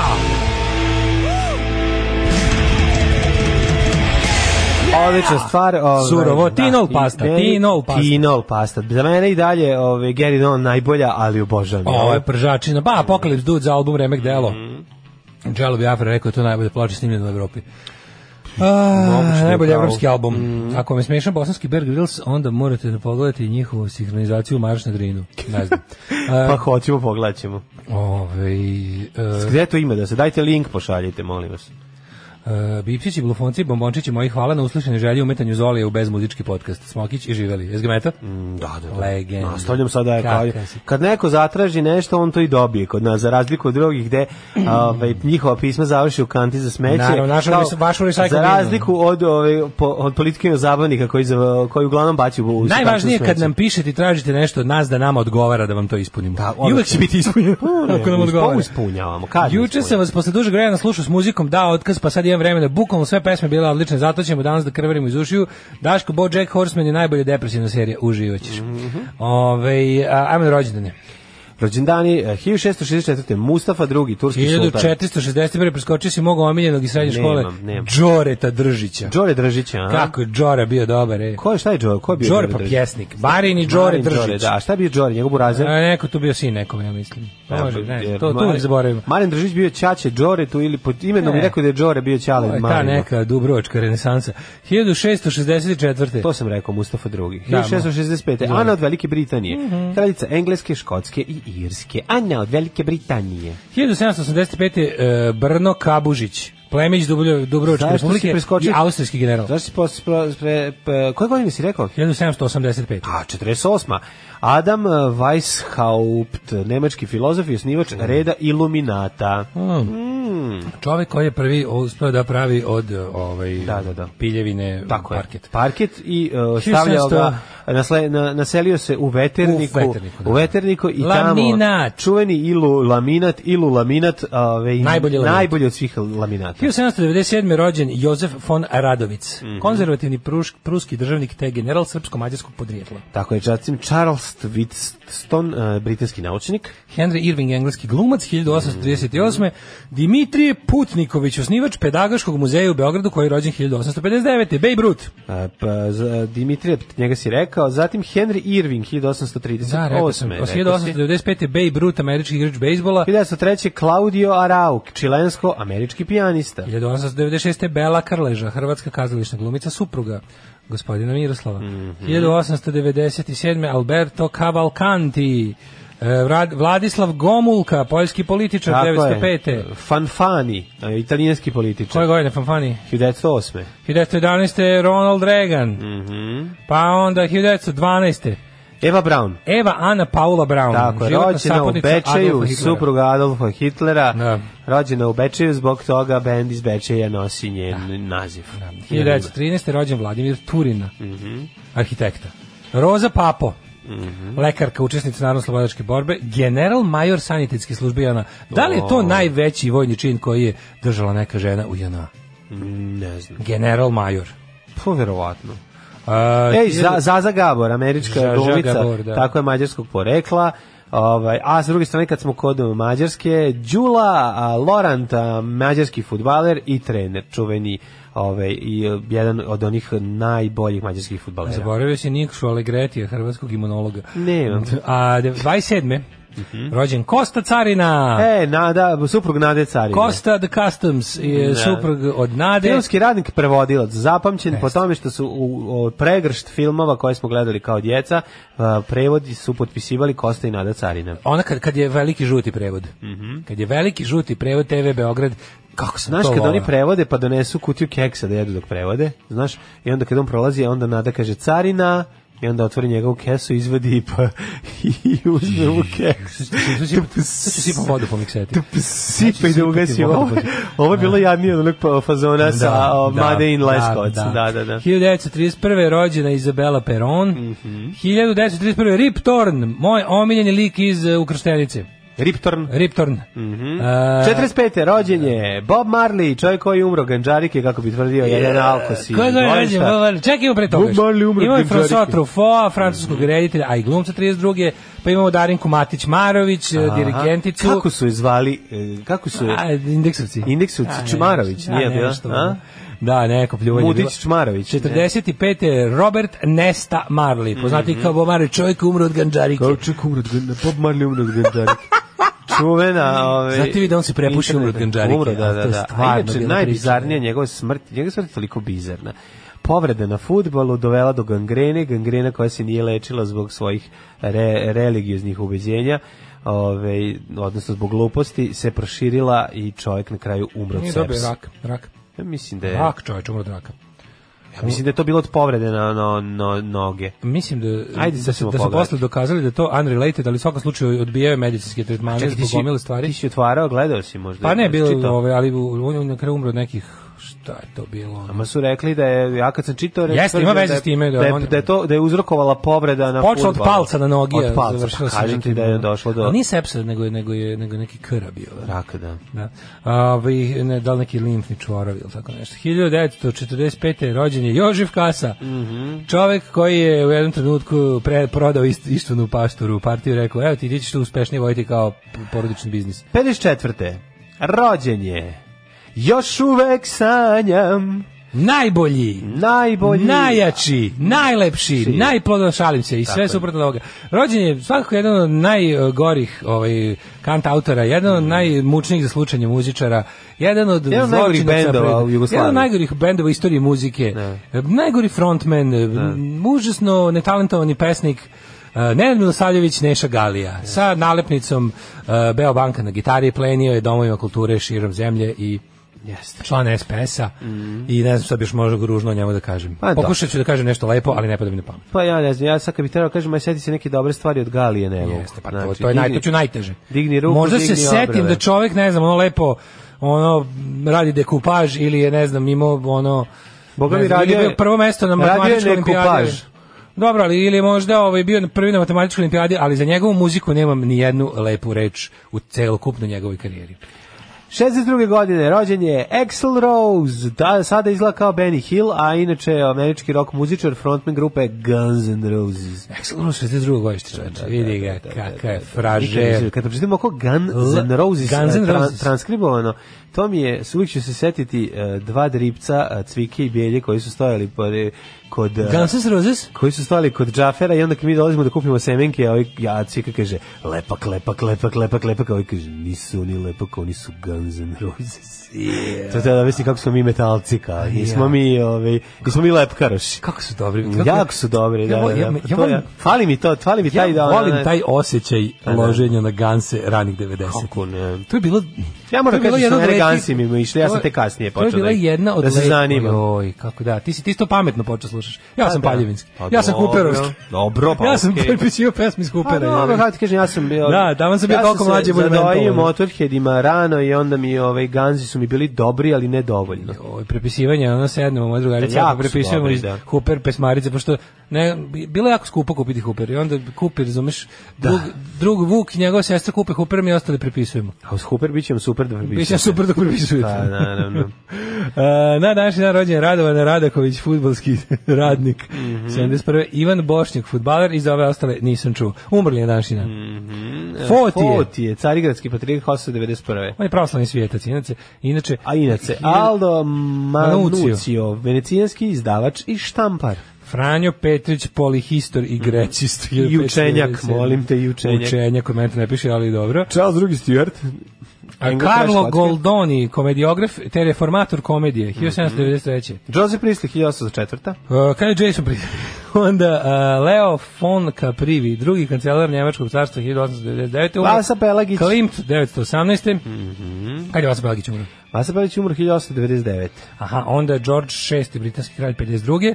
Gustav Klimt, austrijski slikar. Nikola Cvejić, srpski operski pevač, umro 87. Mm -hmm. uh, Zvonimir Rogoz, glumac i reditelj 88. E, Gary Moore umro 2011. Gary Moore! Mm -hmm. O, bre, kako mi nešto teško. I? I čekaj, da se za nekoga čuo ovde. Evo, recimo, Danilo Nikolić, književnik i novinar, jedan od najznačajnijih srpskih pripovedača i romanopisaca. Bravo. Za koga ja nisam čuo. Svakog prokletog radnog jutra. Aco, vozi me da završim tu jebenu gimnaziju. Alarm! Alarm. Sa mlađom i Daškom. Mani Brother, da, da, znam šta je Mani Brother, to kad se moj brat vrati iz, iz Las Vegasa ove, e, sa poker aparata i donese 50 evra. E, to je to. E, ovaj, e, umrno, boga mi, Bob Marley od, ra, da, od raka. To je melan, melanom je imao, nije teo da se leči. Aha, aha. Dugo sam mislio da ima veze s povredom, ali nije. Nije, nije imalo veze s tim, jel? Dakle, igrate futbol. Ove, um, kaže, Šešelj i ostala govna 7. februara u Novom Sadu u radničkom domu. To je mini, na primjer, reklamu. Znate. Ove, um, kaže, molim da spričati kako umro Bob Marley ili neki kinđansku. Pa kako? Napuši se napuši kožarike, ugušio si Gondža, uz viljušku. Čini Činjenica da su Gansi obeležili doba adolescencije mnogih od nas. Četiri, jest, stvarno su ono, Gansi su bendina, nema šta. Ove, ovaj, Četiri njih došlo, napušio uz viljušku, napušio se Gondža. E, tražimo cazinska audicija, Marš na Drini. Mhm, Tanzijska odličija Marš na Drinu, da. Okay. Hajmo, ovaj, hoćemo da vidimo... Mm, no, nolićemo, idemo u vremenske prilike. Ajde.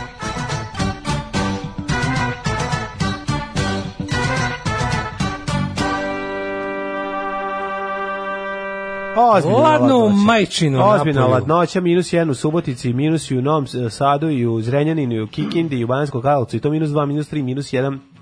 Nema nigde nule. I Mitrovica je u minusu, i Valjevo, i Beograd, i Kragovac, Terentor, i pored svih napora. Aleksandra Vučića Srbija jednostavno ne može da izađe da, u plus. Đilas nam je ostavio hladne temperature. Usio nam se u život. U, ovaj, to to. u minusu nas je ostavio Tako i to čak ni naredna pokoljenja. Minus 3, veliko gradište, minus 1, Blacktop, minus 8. Negotajn, 1, Zlatibor, minus 9, Sjenica, minus 8, Požega, minus 3, Kraljevo, minus 2, na Koponiku, minus 14 trenutno. Ove, Kuršumlija minus 3, Kruševac minus 1, Ćuprija minus 1, Niš minus 3, Leskovac minus 3, Zaječar minus 2, Dimitrovgrad minus 4 i Vranje minus 4. Pada sneg na jugu Srbije. Ovde kod nas je vedro nebo bez oblačka. Divan dan za put do Dion dan za pudo budućih vremenskih prilika um, kaže da će danas biti maksimalnih 5, čak će biti i vedroća. Ne mi da, da neće da nas biti. E, pa, Može tri da će dobaći. Tako kažu, ovaj, tako kažu... Aha, kao ne, prosek. Profesor, doktor Juslav Nikolić, moguće. Proseko. E, inače, biće ovaj, dosta sunčevih i trvala, ali će biti zubato sunce. Sutra maksimalnih šest... Nije to loše. Mislim, ja volim sunce, pa makar pa, bilo zubato. Može se gušterisati na njemu. Kaže da će u nedelju biti 8 stepeni, a ovaj, u ponedeljak čak 12 Tako da ne znamo šta se dešava, hoće li da nam se vratiti da, lažno proleće opet. E, vetar je razduvo, otero crne oblake, otero, može se disljivo je. Da, da, da. I sad malo Ola, da Nije loše, ladno, ali disljivo. Može malo da stane. Mm. Kako ću ti se usrati u život, kurvo? Alarm svakog radnog jutra od 7 do 10. 8 je časova. Radio Daško i Mlađa. Prvi program. 8 i 17, e, slušali smo Stifle Little Fingerse, Kaže nešto Steve Linus Fingersi su sad slavili nešto 40 godina od izdavanja onog. Od e, pa prvi album je izašao 78. 9. Da, četiri pa Inflammable Material, ja, ima što izdavanje, da, da, da. Aha. Da, da, da. O, uvek na turneji, što bi se reklo, odličan bend, gledaću ih ove godine ponovo u nadam se Blackpool ako opet odem. Zašto da ne? Za šta se spremam? Ove, ovaj, šta sam teo da ti kažem? Viš stazama od prošlog puta koje su sad stazama sećenja. Lepo vratiti se negde. To je tamo gde ti bilo najbolje na svetu. Kako ne? Muzika baš prži danas. Hvala, hvala. DJ John Mušema za vas. Da moguće se gimnazija Karlovačka ne, da se gimnazija, a ne, da se gimnazija ne zove više Jovan Jovanović Maj, već velika pravoslavna gimnazija. Zove se Jovan Jovanović Maj, ljudi, za Boga. Zove se Maj, ovim nema šanse da se ne, mislim, ne Da. Ne, Mislim da se za Karlovačku da pitate, da ni Karlovačka se nikad nije zvala, tako iako je da, bilo... Karlovačka za Karlovačka, ne? Karlovačka gimnazija, da. Ne. Da. Kaže, u što pređeste brzo preko Klimta, više nabio Neša Čajerski ovaj, pri svom imenu, ni da je bio ženska roš, ni da je imao 14 dece, ni da su ga nacisti pokrali, pa utice na Šile, na Bečku secesiju, evo sad smo sve rekli. A, secikesiju, izvinjavam se, ti si, pa morate i vi da se nađete, mogu da pomoći. Malo i vi, da, tako je, tako je. se ljutiti sad, da. Četvrtak je, četvrtak je plivamo ka petku, jednostavno pre, neke stvari previdimo. A neke stvari ne znam. Kaže kako je gadno kad neko toliko smrdi na duvanski dim, nikoti, ne znam šta je to već katran.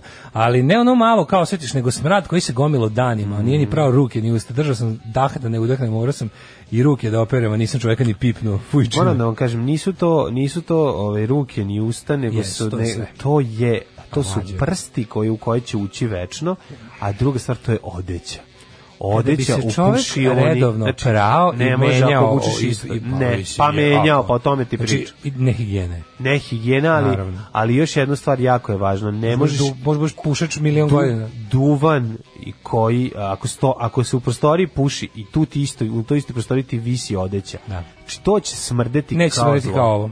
Znači, ne, ne možeš ti da, ako nisi pušač i ako si ono, vodiš inače rednu higijenu, možda proveš 10 sati u zadnjem prostoriji i da izađeš, smrdećeš na duvan, ali ne na taj način. Znači, nećeš tako smrditi, smrdećeš. Prvo, pa govorim da čovjek izlečivo. pušač Da, a da, ali ovo je, da, što čo, da, mislim, da. ovo je jako higijenski, dugo treba. Ovo je higijenski minimalizam, da, da, fejat, da. Uh, duvan, yes, ovisnost o nikotinu. Ali nemojte zaboraviti, mislim, snaga nemojte duvana da, da. usere. Da. Znači, jedna, verujte, znači, ako zapali neku prostoriju, u prostoriji cigaru pored tebe, prostorija je 50 metara, ove, ovaj, ti ćeš ostići duvanski dim za, za 4 sekunde. Mislim, taj, ta ono brzina kojom se on širi i, i, i, i gadnoća koju ostavlja za sobom i u, koju kako propasti sve. oko... To oko... Bora Čorba zove trulež od To je najlepše objasnio Branko Kockica kada u jednoj epizodi kockice upali cigaretu, izvuče dim i dune kroz belu maramicu. Znači da. ono što ostane, ona žutoća, odvrtna prljava, e to je to što smrdi.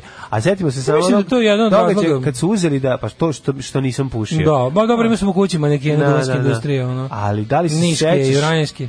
Da li se sećaš onog projekta čišćenje ove od duvanskog dima Eh, da li železničke stanice eh, da, Jeste video da, to? Da, da, da li si video to kad, kad su skinuli ono projekat da se skine, kad su skinuli prvo samo jednu kockicu da, da vidi da, da, vidi kako izgleda da original. Razlika, da. Ona žutoća, ona poganost, ona vekovna žutoća. To to je strašno. Molim vas, dunski dimni smrdi ako se pomiša sa vinjakom, te onda pravi muški miris mačo. Dobro, onda onda se to zove ne miriše kovi naši. ne miriše kovi naši. Da.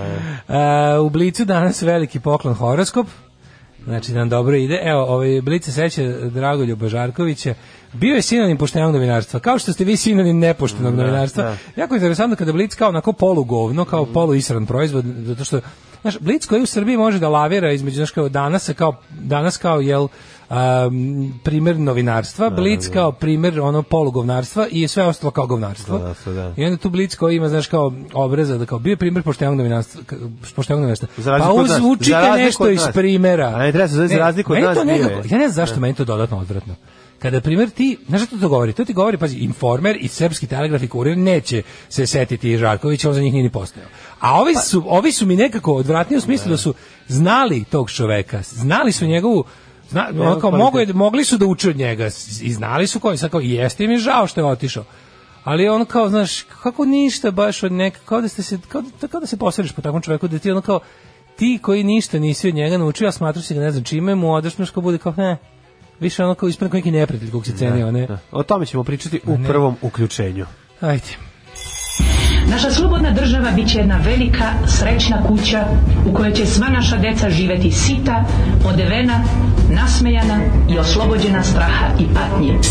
Alarm sa mlađom i Daškom što ti kažeš za Marinu Fet, Birinu Fatić. Ne, rekla Marina da, Fatić. Da, da. Bili su Clash i Police on my back, pre mm. toga smo slušali Chamba Wamba i This Girl. Mm. Mhm. Ove, ceo život se pitam šta je Javier Bardem koristio da ubije ljude u No Country for All Men. A, to se zove to je, kettle gun ili ti bolt pistol. To je, to je pistol za, ubijanje stoke. To se zove pištol za da, pištol za stoku, da. Bolt pistol se to zove i to mhm. je ovaj za ubijanje stoki pred preklanja, mislim. To je kao pa- human, humaniji način da se ubije e, krava ili svinja. Jezivo. E, Ove, to ide, ovaj um, mislim da uh, unutra postoji, ako se ne varam, kapisla koja opali i gurne taj metalni mm. šilak u ja ne, ili mislim nije kapisla mislim da je hidraulički mislim da je neka ona hidraulika u ovom a u kod nas u, da. u Vojvodini se koristi ima sa kapislom. struju ima i na, da, na da, da, da. Mm. kažu ako moram da vam kažem da i dalje postoje deca koja žive i rastu u duvanskom dimu mm. kosice i mirišu kao da su po ceo dan u kafani i garderoba ništa 21. Da. vek, tako su njihovi roditelji rasli pa šta mm. im fali tako kažu svoje odbrani tako kažu da da da da, da. užas užas užas Ju da bi sad zapalio Uh, ja ovaj okačim kada dođem iz popularnih kafana koje volim, ja okačim uh, svoje stvari na terasu i celu noć na terasi uspe da izvuče deo tog mirisa, ali ne može sve. Gost na jedan lik što je pobegao iz PSG Olenik, kad bi se pridružio u Ćuliber kod drugom iz Telekoma, koja bi to banda harmonikaša šibicara bila. da, to su ovi iz, izlazničari na izbore. Ja, jo, jo, jo, Ovi, da, da, da. Divlja Jagod ima novi album. Moj. U, nemoj zezati. Da, ali ja cenim. Spod za, kaže, spod za jednu pesmu snimljenu Soul Peddleru. Mlađi izlazi Soul Peddler zatvora. Stvarno. Izgleda da kraj, da znali smo da tako nešto dobro ne može. se firma, zatvora čuo da se proje. Da, čuo sam prostor. da se fabrika seli odatle, da su nešto, ne znam, ne bi da širim glasine jer sam čuo svašta, ali je prilično izvesno da su tipa u nekoj zadnjoj fazi. Ja se nadam da, da, da, da se to neće desiti. Ma da, da mi da kupim još ploča. Ja sam više svakog meseca, znači. Čekaj, zatvara nisam, se sol... Duši, ja sam kupio sve što želeo. Zatvara se sol... Nisu poslednjih nekoliko meseci nisu imali novih stvari. Znaš, tako da, da verujem da, da, da ovi što kažu da se zatvara fabrika i prodavnica novih ploča u Novom Sadu, mene to apsolutno deprimira. Ove, ovaj, Baš mi žao. Da. Um, ajmo da vidimo šta ćemo prvo. Idemo kod, ovaj, kod gaze da razgovaramo, da napravimo Patreon da otkupimo prodan, fabriku ploča da. i da nastavimo da radimo. Šta ćemo ovaj, prvo? Hoćemo, ovaj, šta smo juče... Zaposlimo mlade da rade i da bude neprofitna pa- fabrika ploča, samo da se vinili vrte. Da, ove, ne znam, ja sam juče, juče sam se bio, juče sam se bio nervirao, gledao sam tako malo um, ove e, kontradiktorne izjave opozicionih političara oko lokalnih izbora. Pa to toliko nerviralo. Znaš, imali smo temu koju smo ono, okay, mi smo tu, u tu temu ušli kao ono bez stava, ali kad smo ono čuli je stavove za i protiv, pa smo čuli ovo, pa smo čuli ono, pa, mislim, zaključili smo ne samo mi, nego nakon jel kao ono razmišljanja o toj temi i argumentima koje nude ovi, da, da, da je jednostavno neprincipijelno izaći na bilo koje izbore ako proglašavaš opšti bojkot, zato što ovaj, e, na izbore se ne izlazi zato što je nemogućen demokratski proces. Njihova demokratičnost nije moguća, sprovođenje izbora nije ispravno Zna se, pored toga što se znao napred pobednik, to ne bi bio problem da taj pobednik tu zaslužen. Znači jednostavno znamo zašto ne izlazimo na izbore. Ne izgovor, izgovor da ti izbori mediji, mogu biti su okupirani. Mislim to je to je pa cela priča. To je četvrti razlog, ali Šta bre, četvrti, A prvi razlog je što je ono utakmica bre nepoštena. Kaže kada nabraješ jačine pa, razloga, pazi, nisu imali ono pristup, eh, kako ti kažem, pristup velikim medijima nije imala ni opozicija ono 90 pa izlazila na izbore. To nije nije samo po sebi, to jeste jedan razlog, ali nije dovoljan razlog. Naj, najveći razlog za bojkot izbore je to što je demokratski proces onemogućen kroz ucene i teror. Pa tako je. To je. I što nismo sigurni da je brojanje glasova pošteno. Znači to je, to je ono što je ono znači nema minimuma demokratskog procesa na izboru i zato ne izlazimo. I sad ideja da će u sredinama gdje opozicija, mislim naša ono ideja da će u sredinama e, gdje opozicija trenutno ima vlast na lokalu, to moći da se izvede ljudi. Morate znati jednu stvar, vaš gradić koji je sticem do srećnih okolnosti slobodan, je neće biti izuzet od crnih džipova. Crni džipovi neće doći iz Šabca u Šabac, neće doći iz Paraćina u Paraćin. Ne. Doći će vam crni džip u Šabac iz Sombora. U Paraćin će vam doći ne. džip, džip iz, iz Šapca. U Pančevu će vam doći, znači oni promešaju karte da onaj ko te maltretira ne bude neko koga poznaješ.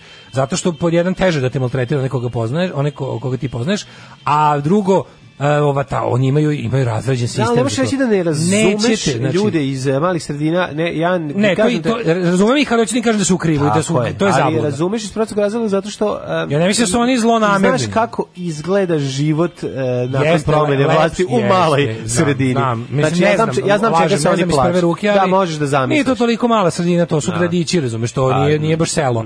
Ali ti kažem da ovaj šta imamo? Imamo situaciju da morate znati sledeću stvar. Znači, i, ako imate najbolje namere, iako želite da sačuvate, da, da, on to se neće desiti. Znači ne, nema nikakve šanse da da vaši pobede na tim lokalnim izborima. Srpska napredna stranka neće ponoviti tu grešku. Znači jednostavno će vam se na izborima pokazati kako je e, kako je vaš grad sve ovo vreme želao Srpsku naprednu stranku. Da. Zato što će to tako namestiti. Znači ideja da ćete jednostavno ja verujem ja znam da su vaši argumenti u nekakvom vakumu uh, i u nekakvom idealnom svetu skroz na mestu. Razumem da ste zabrinuti da je bolje živeti, da je bolje imati, ali ne možete ne, ne može se izaći na takve izbore iz dva razloga. Prvi je taj što ne brinite, već su napred namešteni, ne, ne mogu da se dobiju. Ne. A drugi još važniji možda čak od toga je što stvarno ti činiš jedan gest solidarnosti u, u, u cilju buduće zajedničke slobode. Jer nema ne može to biti jednostavno stvar, onda je to stvar kalkulisanja. Ili znači ili iz principa ne izlaziš zato što nema slobode za sve, pa nećeš ni ti svoju malu slobodu da da ovaj da koristiš kao neku vrstu odskočne daske za, za ne znam šta, ovaj nego ćeš jednostavno iz solidarnosti sa svima ostalima da kažeš uh, neću da učestvujemo i svaka vlast koja bude se dobila ovim izborima će biti pravo smatrana nelegitimna. Ne da. Razumeš i to je jednostavno ako ako će, ako mislim ako je bojkot onda je bojkot. I sve juče sam gledao neke kao političari sa meni jako čudno što ne, ne mogu uopšte da odredim ne mogu da odredim pravilo koje ko je tu na kojoj strani. Jer iz centrala svih tih stranaka i Đilas i Jeremić, ovi svi govore bojkot je apsolutan, znači kada vam kažemo mi vam dobri stojimo da to neće biti da ništa što je pod firmom Saveza za Srbiju ili sličnih organizacija neće izaći ni na jedne izbore, uključujući lokalne, uključujući mesta gde trenutno te članice Saveza za Srbiju dobro stoje i imaju lokalnu vlast. Onda neko kaže da, to je sve tačno, ali da li je istina da vi ispod žita pripremate nešto što će biti grupe građana, da će biti ti ljudi, e. da će to biti Paunović u Paraćinu, Zelenović u Šapcu i da zapravo im e, javno kažete ne, ne a da. mislim ja ne znam kako oni to misle da sakriju, mislim, stvarno ne, ne, znam kako misle, da kako god ja ti grupu da građana kažem. nazvao, znači, ti ćeš znati koji za nje stoji, znaćeš da taj krši dogovor. I moraš da znaš još jednu stvar, e, nemoj zaboraviti da će SNS koji ovi drži kasu, Um, neće štedeti ove, ovaj, ni financije da potkupi koga bude mogao Naravno. i da a, mislim ti kao kažeš ne možeš garantovati za svakog čoveka u svako vreme mislim razumeš šta ću ti kažem ne, ne, ne, ljudi su jednostavno kvarljiva roba potkupljivi su i ono na kraju zato krajeva kažem, moj da vrlo je lako ljudi. mislim na način to najbolje ti pokazuje ovo jedan od 5 miliona od jednom ove to je sve jasno zato ja kažem ali, kako, kako što je lepo u ovom, u ovom slučaju zašto je ovo zašto ovo ima šanse da bude nešto normalno uspešno i dobro zato što kažem ti ne, ima šanse ako se ponavljaću da budu ponavljali razumeš bojkot bojkot bojkot i to je cel to je cel najbolje stvar od što me kažem ti ja imam minus 10.000 simpatija za za za Savez za Srbiju svetili znači stvar bojkota je lična stvar i ti sad možeš uh, na kraju krajeva ja ne idem u bojkot kao Savez za Srbiju, kao nešto potpuno suprotno od Saveza za Srbiju. Znači to su za mene su oni proruski četnički savez ono bivših lopova, razumeš, boli me dupe za njih. Apsolutno me ne zanimaju. Ali ono kao e, zanima me da ljudi prihvate bojkot zato što kada kada jednostavno što je stvar koja onda mora, može, može i mora da uspe u tom slučaju, jer kad se ti ono kao sam sa sobom odlučiš da nešto da baš me briga zbog čega si ti to, mislim, i, to je jedna od onih stvari da ćemo se Boško Obradović i ja naći na istoj strani sticem istorijskih okolnosti tužnih. Pa, I onda kao svako će iz svojih razloga ćeš neće ti otići. Prvih 10 minuta njegovog izlaganja sa njim u nam Kažem ti, stvarima. Naš, da, to, tako da. da, ono kao, znači, ali... da se podsjetimo zašto ne idemo da. na izbore u krajem aprila. Mm -hmm. Zato što nisu demokratski, zato što su namešteni, zato što vlast koristi svoju poziciju da uceni i zastraši ljude da glasuju za njih, zato što nije omogućeno posmatranje demokratskog procesa što nije moguće posmatranje demokratskog brojanja glasova zato što i zato nisu demokratski. Što nije moguće nikom osim vladajućoj stranci da svoje programe predstavi na medijima. Zato i zato ne izlazimo i zato to važi i za lokalne, to važi i za e, republičke izbore i znajte da znači uz najbolju nameru da pokušate da sačuvate svoje slobodne teritorije, to neće biti moguće. Apsolutno neće biti moguće. Pitanje je samo dana kada će doći ljudi iz svemira da nas posete Alarm sa mlađom i Daškom. Crvena jabuka. Tako je, sa prvog albuma. Šta je ovo Crvena jabuka? Crvena jabuka prvi album, Tako najbolji album. Je. Nek te on ljubi kad ne mogu ja, mogli ste staviti i Mitesers verziju, Kaži, ali evo. Ako sam nešto naučila iz vaše emisije, godine slušanja, to je da Daško uvek na strani gubitnika. Daško zna šta ti je činiti, da pređe na stranu pobednika. Sad, kad sam, sad sam siguran da će i bojkot propasti. Vaš dvojica uvek umašite prognoze. Daj malo navijajte za žvalanju radi uroka. A kako mislite da, da, da, da kako mislite da propadne bojkot? Mislim, pa bojkot je bojkot, mislim, ne može bojkot, bojkot da propadne, jednostavno će ga, koliko će ga biti, bojkot je. Ne može Mislim, on će napriti verziju s obzirom da nema da se shvatili trenutno problem oko bojkota je e, posebno na lokalu što kada SNS dobije izbore nikakvih četiri godina neće pomjeriti pa neće ih svakako pomeriti ma ne, ne, ljudi neće otići izborima s vlasti ljudi ste vi ono druga stvar je ovde isto problem cenzus je pomeren znači on će napraviti u koji god procenat ljudi da izađe on će napraviti svoju verziju e, drug skupštine svoju verziju hoće biti fašisti opozicije super da. pa vi čuli ste sve to tako da u tom smislu bojkot je važan zato što je to ovaj to je ono to je start demokratskog Naravno. sistema ono, koji je kod nas ne, Neću da prihvatim da učestvujem Evo, kaže, u pitam se koliko će vam biti potrebno posle izbora da shvatite da ste opet pojeli govno kao sa onim likom kojem nije ne mogu više se setim, Saša Janković, a biće tako. Ljudi, znate šta, mi radimo ono što mislimo da je ispravno, a ne ono što možda, a ne ono što će pobediti. Eto, to je razlika. Znači, mogu ja sad da pređem odmah u SNS i da budem na strani pobednika i da se hvalim kako sam uvek bio u pravu i znao sam šta će biti i bio sam na strani pobednika, međunarodno to je lakše Naravno to je lakše, naravno da je lakše učestvovati u bilo kakvom onom sranju koje oni spreme. Mene zanima da život radim što je ispravno, ne ono što je ono. Mislim, koga bi menjao za koji tim navijaš odnosno to ko je prvi te godine na tabeli? Pa mislim, ja bih ga navijaš valjda za tim koji se odabrao i sviđaju ti se iz nekog razloga. Da li što ti sviđaju ti se iz nekog ili, ili je to, mislim. Ali kao ako si uzeo da navijaš za nekog, onda van, valjda, navi, valjda navijaš na njega i kad je dobar i kad mu ne, i kad mu ne ide. A ovo je još da, nekako ljudi, smislenije od ovoga. Ovdje su ovdje je stvar principa. Ja smatram da je, a ovo je druga stvar ja smatram da je ispravno ne izaći na ovakve izbore. Ne. Da. Zato što nisu izbori. Znači iz istog razloga zbog kog ne idem da igram ono kad šibicari postave ono otirač ispred ovaj pijace i uzmu tri kutije i kuglicu i ne, zašto ne igram zato što ono kao ne smatram se budalom. Zato što nećeš da skineš prozor da ti pokažem kako se radi. Da, a da ti zaradiš. A da naučim nas. Znaš, mislim to sad nema ni stvar kao, da li će mi biti u pravilu, da li će Vučić nešto uspeti. Pa verovatno će uspeti. Ono kao e, ne želim da učestvujem u tome, ne želim da mu dajem legitimitet ajde ne, ne, da ne idem na onaj kao stari razlog tipa nemam za koga da glasam, to obaška. Našao bih za koga da glasam kada bih verovao da glasanje ima smisla u ovakvim okolnostima. Znači ovo je potpuno svakom je jasno ljudi kako gde vi živite, vidite na šta liči izveštavanje ovo svemu, vidite kako to izgleda. Znači potpuno je jasno da to neće biti ništa drugo osim ono kako su zamislili ajde da vidimo kako bi oni izašli na izbore da, da su slobodni mediji i da ljudi nisu ušteni radnim mestima za njihovo za za, za glasanje. Onda bi izašao na izbore. Šta ja ima da se uopšte cimam, troši svoje vreme i energiju da ulažem i da kao da možemo mi možda pobediti, pa matematika je jasna. Ne. Matematika je jasna. Oni su lepo stavili na papir i rekli mi imamo toliko i toliko ljudi zaposlenih u mamutskom državnom sektoru i svi moraju da glasaju za nas, svi moraju tu, tu čoveka s kičmom, nema, njihove porodice su usrane isto zajedno s njima i to tako radi. I neće oni otići izborima, ne brinite. Znači, ali mislim, ja ne mislim da niko, slobodno vi izađite ako imate za koga da glasate i mislite da imate ovaj nekakve šanse ili nemam pojma ili vam se dopada sadašnji poredak slobodno Više jedna jako važna stvar ovo je vaše demokratsko pravo ja smatram da je neizlazak na izbore prava stvar za uraditi još, u okviru Zato to radim. Um, e, ako su vam naši fazoni možda nekim slučajem smešni, da. ako se to desi, ili vam se sviđa ovo što pričamo, ne znači da treba da se 99,9% da. slažete sa nama. Ja, da to, što pričam. Ja, ja mislim u to što mislim... pa se ja se ne slažem što da sa Daškom šta priča, no. Da. 99,9%, nekada čak ni 50%, nekada bi ga udario, ali to nije sad to stvar. Dakle, E, stvari principa, dakle ovde su ovde stvar principa, mi se držimo tog nekog principa kojeg smo ovaj do kog smo došli e, razglavajući ovde svakodnevno po 3 sata i, i to je naš stav. A vi imate svoj svoj stav koji može da se razlikovati od našeg stava. Nama je bitno da kuplaćujete Patreon, a ne da se ne slažete tako s nama. Je. To je suštinski. Nismo pro... mi verska da, zajednica. Tako je. Mislim. Jedino što imamo zajedničko s njima je da tražimo donacije. I tu završava se svaka sličnost. Kaže, niko bre nije ni tvrdio da vi ste stri pogrešni, nego ste teški baksuzi, to vam kaže. Pa i to je moguće, da. da. Tok sam navikao na da miteserašku verziju ove pesme, da sam zaboravio koliko je originalna verzija super. Jeste, pa, da. onda kaže ovako, e, 1943. Daško je mlađa. Priđimo narodno slobodilačkoj borbi, 1945. Vraća se kralj iz Londona.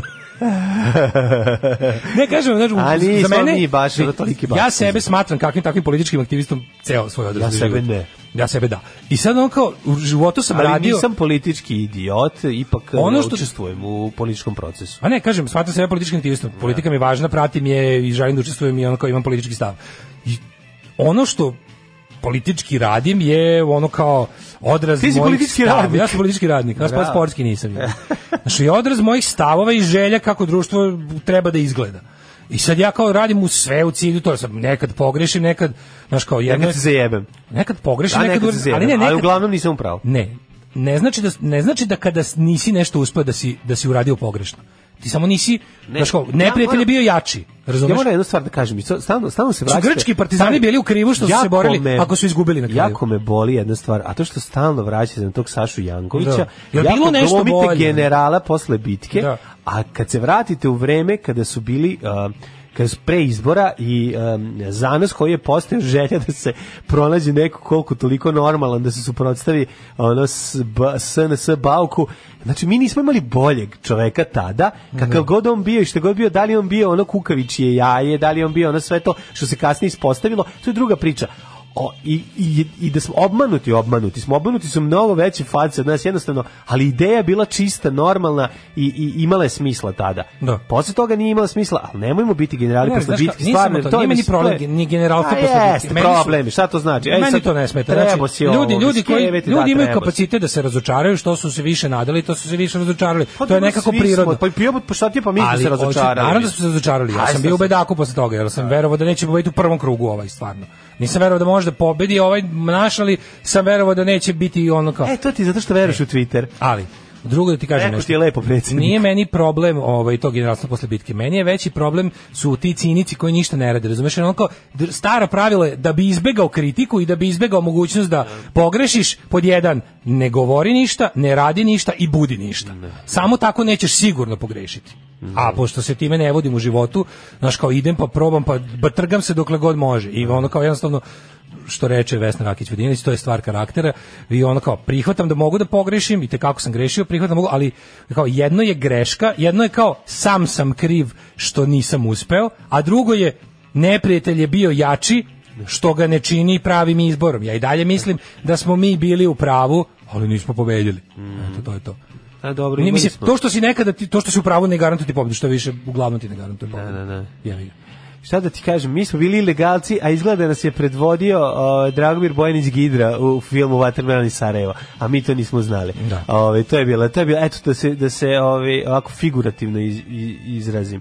Što se tiče um, Daško, um, um, tragična vest, tužna, uh, Dragoljub Žarković nas je napustio, u 69. godini života, posle kraće i teške bolesti, E, tako je saopštila redakcija. Pa nije baš kra, vreme, pa, to tako piše u, u, Nakon, u kuriru, ali koliko mi znamo, znamo da je dugo bolest. Da, ne bi, ne bi da, da. Ovaj, da, da se pravim pametnije od pa ovih. Niko su ga pa bolje poznavali, je... ali mislim, pa, ne znam šta, u stvari ja ne znam više ni šta, da ti pravo kažem, ja ne znam više šta se smatra kraćom bolesti, što danas ono, znaš, kao nekad je to ono par meseci, nekad su godine, nekad je neko, neko je bolestan A dobro, možete dugo. Vuče, vuči bolest pluća, no. Da. 20 godina, a posle na kraju umreš od srca. Mislim, znaš, koja je naravno, oslabila. Naravno, ali vidio se što, u slučaju zdravlja Ljuba Žarkovića, ono kao, dok, dok je imao snage za javne nastupe, mm. videlo se da mu se zdravlje pogoršava. To. Jeste. Nismo, nije, nije bilo neprimetno, ali Hoće kažem nešto, Osnivač nedelj, nedeljnika vreme, on je, da. zašto je nama bio jako važan, Dragoljub, izvoli Daško. Pa meni, kao čitaocu vremena, onako da. dosta pomnom i njegovom, onako, pratio sam njegov rad, zaista, baš ja mislim, koliko sam pratio časopis vreme, ja se većinu, nje, većinu jesam se možda politički onako slago s njim, ali mi je njegov pristup mi uglavnom nije bio blizak i nekad me je znao nervirati zbog tog njegovog previše umerenog, pomirljivog, ti znaš da sam ja nisam čovjek dijaloga, da sam ja više čovjek koji uvek kaže ako nasilje ne uspe treba pokušati razgovarati. Ne, ima, ima je on dosta tih svojih ono ono kao umerenih stavova što mom temperamentu ne leži, ali moram priznam da sad da li to ima veze s time, da li mu je sa, sa godinama nekako ta drčnost i hrabrost porasla, nekako otišao je u momentu kad je meni bio najbolji.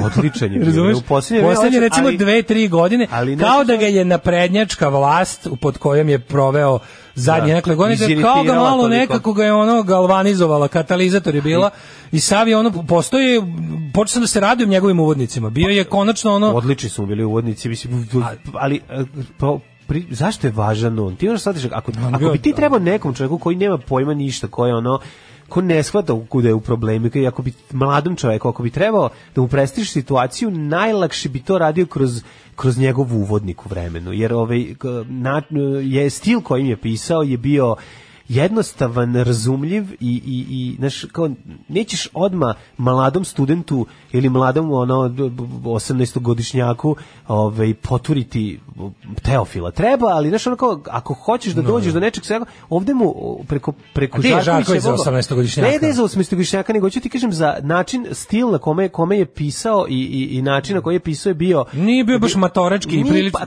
to je, je bio razumljiv, vreme. bio je razumljiv, to je ono što je jako znači, važno. Znači, dugo vremena vremena su, ja sam baš stvarno čitao vreme maltene od uvek. I ono kao od kad izlazi skoro, malo sam se kasnije uključio.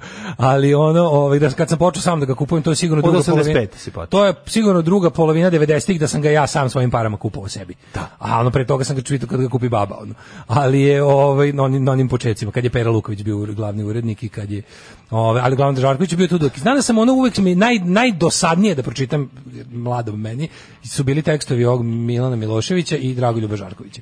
I on onda kako se kako vreme prolazi, ja sam nešto A možda, počeo da, a možda Žarković nije um, postao drčan, nego si ti postao mator. Nije postao... o tome. Vidi, on, se, on je, neki, on je uvijek bio kao neki taj objektivni politički analitičar. Jeste se... Nije nego je bio ostrašćen. To je e, postao je ostrašćen iz godina, kao što i treba. Što, uopšte, ne, nego si ti postao manje ostrašćen. Ne, ja sam postao manje da, ostrašćen. je. Ja. No kako da ne? Pa ja bi sutra pušku uzeo za pa bilo to što šta, sutra. Ti, to, što ti kažeš. A ne, ja to ono mislim. Kakav si ti, ja bi za svoje uverenja i ubijao i umro. sebe pre Ja bi za svoje uverenja i umro i ubijao. Znači, sebe Znam sebe dobro. Ti si to, to što ti znaš znaš sebe, to je super, a ja ti da. govorim kako izgledaš ti i kako se menjaš sa godinama. Da. Kako postaješ e, staloženiji, kako postaješ uh, ovaj, da, da. manje, manje, ka, pa ja ti kažem, to je ono, to, to je činjenica. Zato što sam u, Uz tebe možeš reći već evo. Ti možeš da ono, da imaš, ne, pet, možeš da imaš manje 20 godina tu i ja, da tamo. Možda ima manje snage nego pre 15 ne, godina. Što snazi, ali kao spremnosti im ne, ne, nisam ništa pametniji. Pa, ne, nisam ništa jesi, pametniji. verovali ili ne? Odbijem. Ali ovaj pa dobro to što ti želiš da ovaj da odbiješ to je druga stvar, ja ti kažem to ja sam to našao u razgovoru sa drugim ljudima, nije ovo šta nešto. Ja I ovo moja, da... ovo nije moja observacija samo moja, pa da ti da. kažeš, nego ovo je observacija ljudi sa strane koji ono da. kao uh, kad kako ti, da nije loše kada naš znaš, kada pomahnitali voz u jednom dobije ovaj kako se zove i neku stanicu da stane pa da pokupi ljude. To je ovaj prva stvar, a druga stvar Da ti kažem za Dragoljuba Božarkovića, on je da postao po meni, po meni, znači a isto to čitaoci vremena će možda potvrditi. I postao ja sam, sve... evo kažem ti, jeste malo mi se činilo kao da je, ali mislim da tu ima miks svega. Nije to samo da je on nama postajao mnogo ovaj da on postao drčni nego jednostavno ovaj možda samo možda si samo ulazi u godine kada ti se čini kada ti njegovi tekstovi više leže to je možda isto razlog ne znam eto to se meni da čini ja ti kažem da se da je on ono kao ona njegova knjiga o, mislim da režim srpske napredne stranke mnoge pristojne ljude ispizdeo. Yes. Mislim, razumeš, to je stvarno nepobitna činjenica. Pogledaj yes. koliko ljudi, pa čekaj, za koga si ti rekao skoro, ne mogu da se sretiti. Pričali smo o nekom i rekao si kao, Evo te, ako je ovaj popizdeo, mislim, ako je ovaj počeo da, da psuje, da, ako je ovaj počeo da se oglašava, da, da, znači da, da za koga smo to, za nekog isto tako bilo, neko koga smo smatrali uvek na našoj strani, ali ne bi baš očekivao da ga vidiš s letvom ako dođe do mhm. toga. E pa sad su ono već mnogi ljudi kojim ma zdrav razum bio, ono razumeš kako se zove jača strana, je ovaj kako ti kažem su su Mm, što, što bi se reklo ostrašćeni. Da, Postali da. su ostrašćeni, što za mene nikad nije bila ružna reč. Pa ne mislim da ostrašćen ruž, ružna reč, ne, ne, mislim, sve je okej. Okay. Ljudi, ljudi koji beskrupulozno nama vladaju su ljudi apsolutno spremni na sve. Ono, kada sve sabereš i oduzmeš, ono što fali našoj strani je rešenost, da budemo rešeni kao oni. To je sve, razumeš, to je ono što nam fali. Re, njihova rešenost. Sad, Jedino što je problem što u ovoj zemlji uglavnom rešenost ide uz pokvarenjakluk. Pa da li ne, ne, ne, A ja znam. Teško ćeš te ne, kad kažem. A ja znam, imam primjer iz istorije u zadnjih 100 godina ovdje je postojala grupa rešenih ljudi na pravoj strani nekada. I da. znam da su uspeli ono i u mnogo težim vremenima i u mnogo težim uslovima i pošto znam da je to ljudski moguće, zato se zato zato verujem i dalje i zato se neću predati. niko ti ne naravno, ni slučajno nema predaje, o tome smo pričali ovi 1000 puta, nego se se radi o tome da um, ko će, mislim, stalno kad govorimo kao kad nam premine neki značajan novinar, neko čovjek koga volimo da čitamo, ko je na našoj strani, ko je oblikovao nas, a, zanima, kao, uvijek se pitamo ko je taj kao ko će naslediti njega. Mislim on je okupljao tu ekipu, razumiješ, on je bio no, ono ne, jako neko, ozbiljan. Neko juče juče je u, u, u, naš bio on je, on je odličan glavni urednik. On je pa najbolji glavni pa urednik. Pa znači on je bolji od svih glavnih urednika svih drugih listova jer je znao da na jednom mestu uvek je štitio integritet redakcije. Je. Često je podmetao sebe tamo gdje je trebala redakcija da, da dobije danglu, onda je drugo uh, juče Vaden Nemanja Rujević napisao ne. Da. odličan tweet kad je kad je Rujević bio student, pa im je nešto predavao ili bio, ne znam šta je tačno, u, u svojstvu su našli na fakultetu političkih nauka na smeru novinarstvo je Žarković im nešto pa jeste predavao, predavao da. nešto je predavao i onda, i onda ga je neko student pitao da im za ne znam kakvu ovaj vežbu iz ne čega ovaj da primer ovoga e, ne, kako se piše neka vest, reportaž ili tekst, primer pisanja nekog teksta. Rekao, ja da vam pišem, pa ja sam glavni urednik od kad znam za sebe. na šta su sve kao gledali u prazno, na šta on onda izjavio, tipa, znate šta, urednički posao, to vam je više rad sa ljudima, a manje pisanje. Pa da, pa dobro jeste. Onda, a je stvarno. Ali onda i razumeš uh, pristup tog čoveka, onda ti jasno, znači, da, da, ako ti, da, ne, ti si političar, jeste, on, on jeste diplomata. Ti si menadžer, diplomata. On jeste diplomata, ali kažem ti, e, što je bio Matoriju u ovim njegovim poslednjim danima, na kraju krajeva i dobar deo uredničkih dužnosti je pre prešao i na Jovanu Gligorijević i na druge, on se malo razobadao s tekstovima, što je mm meni bilo apsolutno fenomenalno. Yes, yes, I nekako, su dobri. Ako ideš ono go, go out in style, a on je tako otišao, mislim, to je, to je super. Čekaj, sad mi je sve jasno. Da, to je kolektivna halucinacija. Alarm, alarm, sa mlađom i Daško. Svakog radnog jutra, od 7 do 10. 9 je časova. Radio Daško i Mlađa. Prvi program. 9 sati i 2 minuta u trećem smo satu našem istije za 6. februar, sunčan dan, minus ladno, trese se vilica. Ovaj ovaj raspad na kraju fali još jedno zbudiličarsko slash alarmdžijska poruka fali će nam žareta bokašljanje u emisiji političkog sadržaja. Fali. Može, to je da bilo baš lepo. Da, ovaj. da, da. Uh, kaže ljudi njih prosto ima više. Ljudi ih pravih levih ili čak liberalnih svatanja neopterećenih stegama tradicije crkve paganskih običaja je prosto malo. Ja lično znam gomilu pristojnih ljudi kojima su ovi ispod svakog ukusa morala, a koji se opet kad dođe do teme Kosova ili srpskih svetinja pretvaraju u neke Obradoviće i Jeremiće. Naprosto smo na neki način još uvek plemensko društvo, suštinski neobrazno i zatuzano tačno i Sve to tačno. se mora menjati. Mm Ove kazna za defetizam i streljanje, to zapamtite. No, ovaj, naravno da neprijatelja ima više, ali šta da radiš, mislim, e, revolucija dobija revolucije dobija e, posvećena grupa profesionalnih revolucionara kojima se kasnije priključio široke narodne mase. Kaže, u, dobar bend, da, ovo je bio Demolition 23. Da, da, Demolition 23, ovaj- inače produkciju je radio Little Steven, to je mala zanimljivost, kad smo bili klinci. On ih je i okupio. I pravili demo, ove, ovaj, i onda smo nosili ovu kasetu da kažemo, izvinite, ali možete nam napraviti ovakvu produkciju, kako da. je to bila? A, A našli smo Demolition 23. On kaže, može, može, može, da kasetu i krene da, iz, da, da, da namešta nešto, a mi gledamo kao tako se radi produkcija. Kako nas izgleda plevatio. Koliko je to medeno da bilo. Do, da nek, donesite, da su pomerao neki vilajzer. Pomere vilajzer kao pravi istu produkciju da bude i ovo. A mi ono snimili, majko, tu plač majke Božije. Nije strašno umreti, strašno ostaviti naprednjaka na vlasti.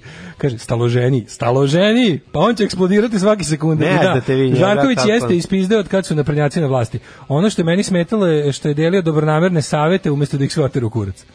Ove, e, nikad neću zaboraviti Žarkovića nakon izbora 2016. kad je ovaj pomeo sve u studiju N1 kad je vidno iznerviran, verovatno i trgno po koju pa rekao sve što ima na duši dok su ostali glumili pristojniti. Da. Ove, Vola sam kad bude onako prekašljanje, kad malo, kad mu krene onako, pa da. tu se vidi da je ove, verovatno zvekno koju. Uglavnom nema predaje, ovaj, la lota continua, a mi u trećem satu mm. ćemo da se otrujemo. Pa prvo ćemo da se trujemo. Idemo još da se utucamo. Ima, ono stvarno, znači... Pa vidi, ovo je verovatno svi već do sada jeste čuli. Jeste videli, ali morali smo da ga, mi smo mu dali na, vremena.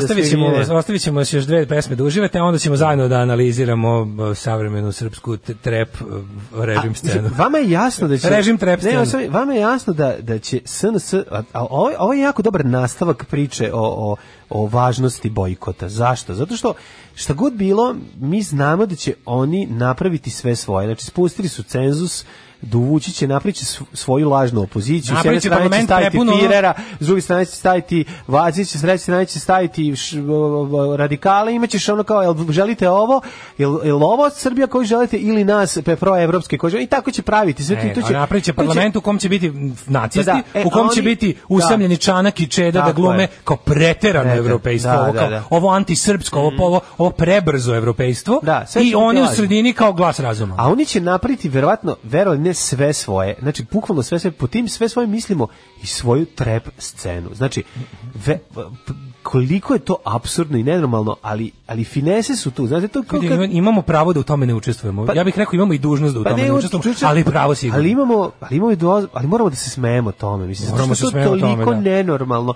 toliko odvratno i glupo da se tome moramo smeti. A onda možemo da vidimo ka, šta je pravi ume, umetnički performans, da vidimo kako je čovjek sa 99 telefona napravio haos na no. Da. ovaj kako se zove Google-u na Google Mapsu, to je još jedna stvar. I ako stignemo, imamo još jednu interesantnu temu sa vaćaranjem stewardesa, ako nam vreme dozvoli, zašto da ne. Samo što da kažem nešto za bojkot. Ti pričali smo sad dok su išle pesme kao, kao bojkot će uspeti ili neće uspeti. Ljudi, na poslednjih ono 10 izbora u Srbiji bojkot manje više uspeva. Znači, ljudi već ovako kakva situacija ne izlazi na te izbore uglavnom iz pogrešnih razloga. Sad kad imaju pravi razlog da ne izađu, znači bojkot se poklopiti to. se da poklopiće se dve, da, napraviti da. se perfect storm. A drugo ono što imam da kažem, mislim to nije za mene kažem to ako to, to će uspjeti ako ne bude stvar političara mene baš briga da talovi i njihovi ono da li će me da li će me na kraju u zadnjem trenutku đila zajevati i reći idemo na izbore znači kao neću neću kao što ne izlazim na izbore ne zato što mi je to rekao Đilas, tako neću ni izaći kad me on pozove ako se on zajedno trenutku nešto dogovori, ili mu ovi iz Evropske unije kažu izvini ima da izađeš na te izbore, da te ne bismo ono otprilike zauvek zaboravili u svim sledećim kombinacijama, a pošto verujemo da želiš da se baviš politikom do kraja života, treba ćemo ti. Tako da koliko uspeće na, u, bojkot će uspeti ukoliko bude stvar građana, svakog od nas. Jel stigla penzija? Stigla je. Ne možemo mi od toga živati. Alarm svakog radnog jutra od 7 do 10. A, a ovo je jedna od najboljih pesama ove grube zabrano pušenje, srce, ruke i lopata. Mm -hmm. Kao pesnik što ne veruje u vlastite stihove. Jeste, to mi je uvijek bilo. Jako drag stih. Ove, uh, e, da li da, ajde, ovaj, pre nego što odimo da, da prokrvim iz samo na brzinu, ovaj, stoto izdanje Migetove emisije. Da. 100 to izdanje Migitove emisije Ljudi iz podzemlja. Uh, sinoć je bilo stoto radijsko izdanje u subotu u koncert u domu B612. E, Mige vas poziva na koncert. Miletićevo je ulici. Jeste, Miletićevo i juče smo išli da vidimo tehnički, pošto će ovaj, mlađi ja ćemo da, da pre, pre ovaj Da na svečanim otvorima. Će da bude da svečano otvaranje, live emisija, mi to ćemo odande, bit će jako slatko, posle toga svirka, svira, svira najbolji krem ovaj, balkanskog e, i srednjeevropskog eh, panka. Mm -hmm. Evo, Migi vam poklanja a, dva, poziš, pa kako dobro smišlja, dva puta po jednu ulaznicu dakle 0664422266 za subotu u Domu B za, za proslavu 100. emisije Ljudi iz podzemlja, dva puta po jednu ulaznice, javite se 0664422266, sutra ćemo još da dva puta po jednu, tako da ovaj, vidimo se svi u subotu, bićemo svi tamo od 8-9 mhm. uveče. Naravno, pa ćemo, naravno. Ješ, sve jako bilo interesantno, juče smo probali negde ovaj oko 6 da povežete. pola 7 uspeli smo da se povežemo bilo jako smešno što je drug cef koji je doneo ovaj eh, komp da tamo napravimo celu konfiguraciju ima neki suludi kompjuter koji je non stop stalno ozvučen ceo kompjuter mu je džinovski mikrofon laptop taj što kako to bilo smešno onda smo se nakačili pokušavamo da priključimo miksetu i vidim ja ono kao a poslali migeta u dvorište da sluša na na telefonu daškomlađa.com i se počeli ljudi da nam se javljaju koji slušaju u to vreme naš radio i kao šta je ovo šta se dešava Ovaj, Kažemo pa- tople probe stigli direct messages na, na Instagram i na Twitter kao što radite ovo nekom je upakao rekao to smo mi upali sami sebi i čačkamo opremu ono tako da ovaj, pripremanje dobro dobro subot, dakle 0664422266 ulaznice e, za e, stotu na ovaj e, koncert povodom 100 emisije ljudi iz podzemlja mm -hmm. pozdravlja vas i Stanislav Hočevar a sada će da vam bude teško A sada da vidite ljudi iz nadzemlja. Istina da su mnogi, možda čak i većina su vas su čuli ovo. A čuli su svi, ali moramo pokazati. Mi smo ovo štedeli, štedeli je, nažalost to još u subotu smo čuli jako je teško ovaj ovako stvar sakriti ovaj od ljudi. Ovo je stvarno blamčina prvi bot rep na, na, ovaj, na, na, na svetu, ja mislim. Gospodin Bucki je snimio pesmu Kosa Nostra. Ne. Da. I ovaj To je prvi SNS botovski rep. Znači videli smo do sad je bilo raznih hvalospeva, ovaj u vidu usamljenih psihopata i ljudi bez talenta mhm. koji snimaju ovaj kako bih rekao slavopojke Aleksandru Vučiću i partiji bile ona sirotica. No, su to ljudi za ono da, da za ustabilno mentalno da, da, zdravlje da, da, ili ili onako nekako je imalo sve miris one klasične predizborne pesme kako oni kako oni vuku mili sportskog veća kako oni vuku iz ove radikalskih dana evo sad su otišli malo dalje pa su napravili svoj prvi IDJ TV jer mladi to vole da se verovali da. ne približi toj populaciji pa je gospodin Bucki je snimio pesmu Kozanostreb evo polako ovaj crni sve, regler. sve u tom sve u tom spotu um, nekako odiše. Muzika Delta Miško. Da, da, da. Tekst, mali iz Češke. Aranžman. Mislite da Srbi jako slabo pamte, ovu zemlju propali bi da za sramotu znate Al nemate vi obraza, stida niti srama Znate šta je nasilje, buka i galama Do svega što smo sanjali, što smo hteli Sigurno nas vodi onaj fašista iz Beri Bilje mladić taj, vođa revolucije Testeromon upada u javne institucije E pa da vam ovaj narod nešto kaže Ovo je Beba Popović Žuta vlast, opet da nas laže Niste žetno mene, ali maltretirate žene Maltretirate žene Posla, napalili su Prikog mosta Ovo je Beogradski sindikat full uz vlast. Da, da, da. Znači, ovo je kao kad bi Beogradski sindikat prestali da glume ovaj, da, da e, pobunjenike. Da.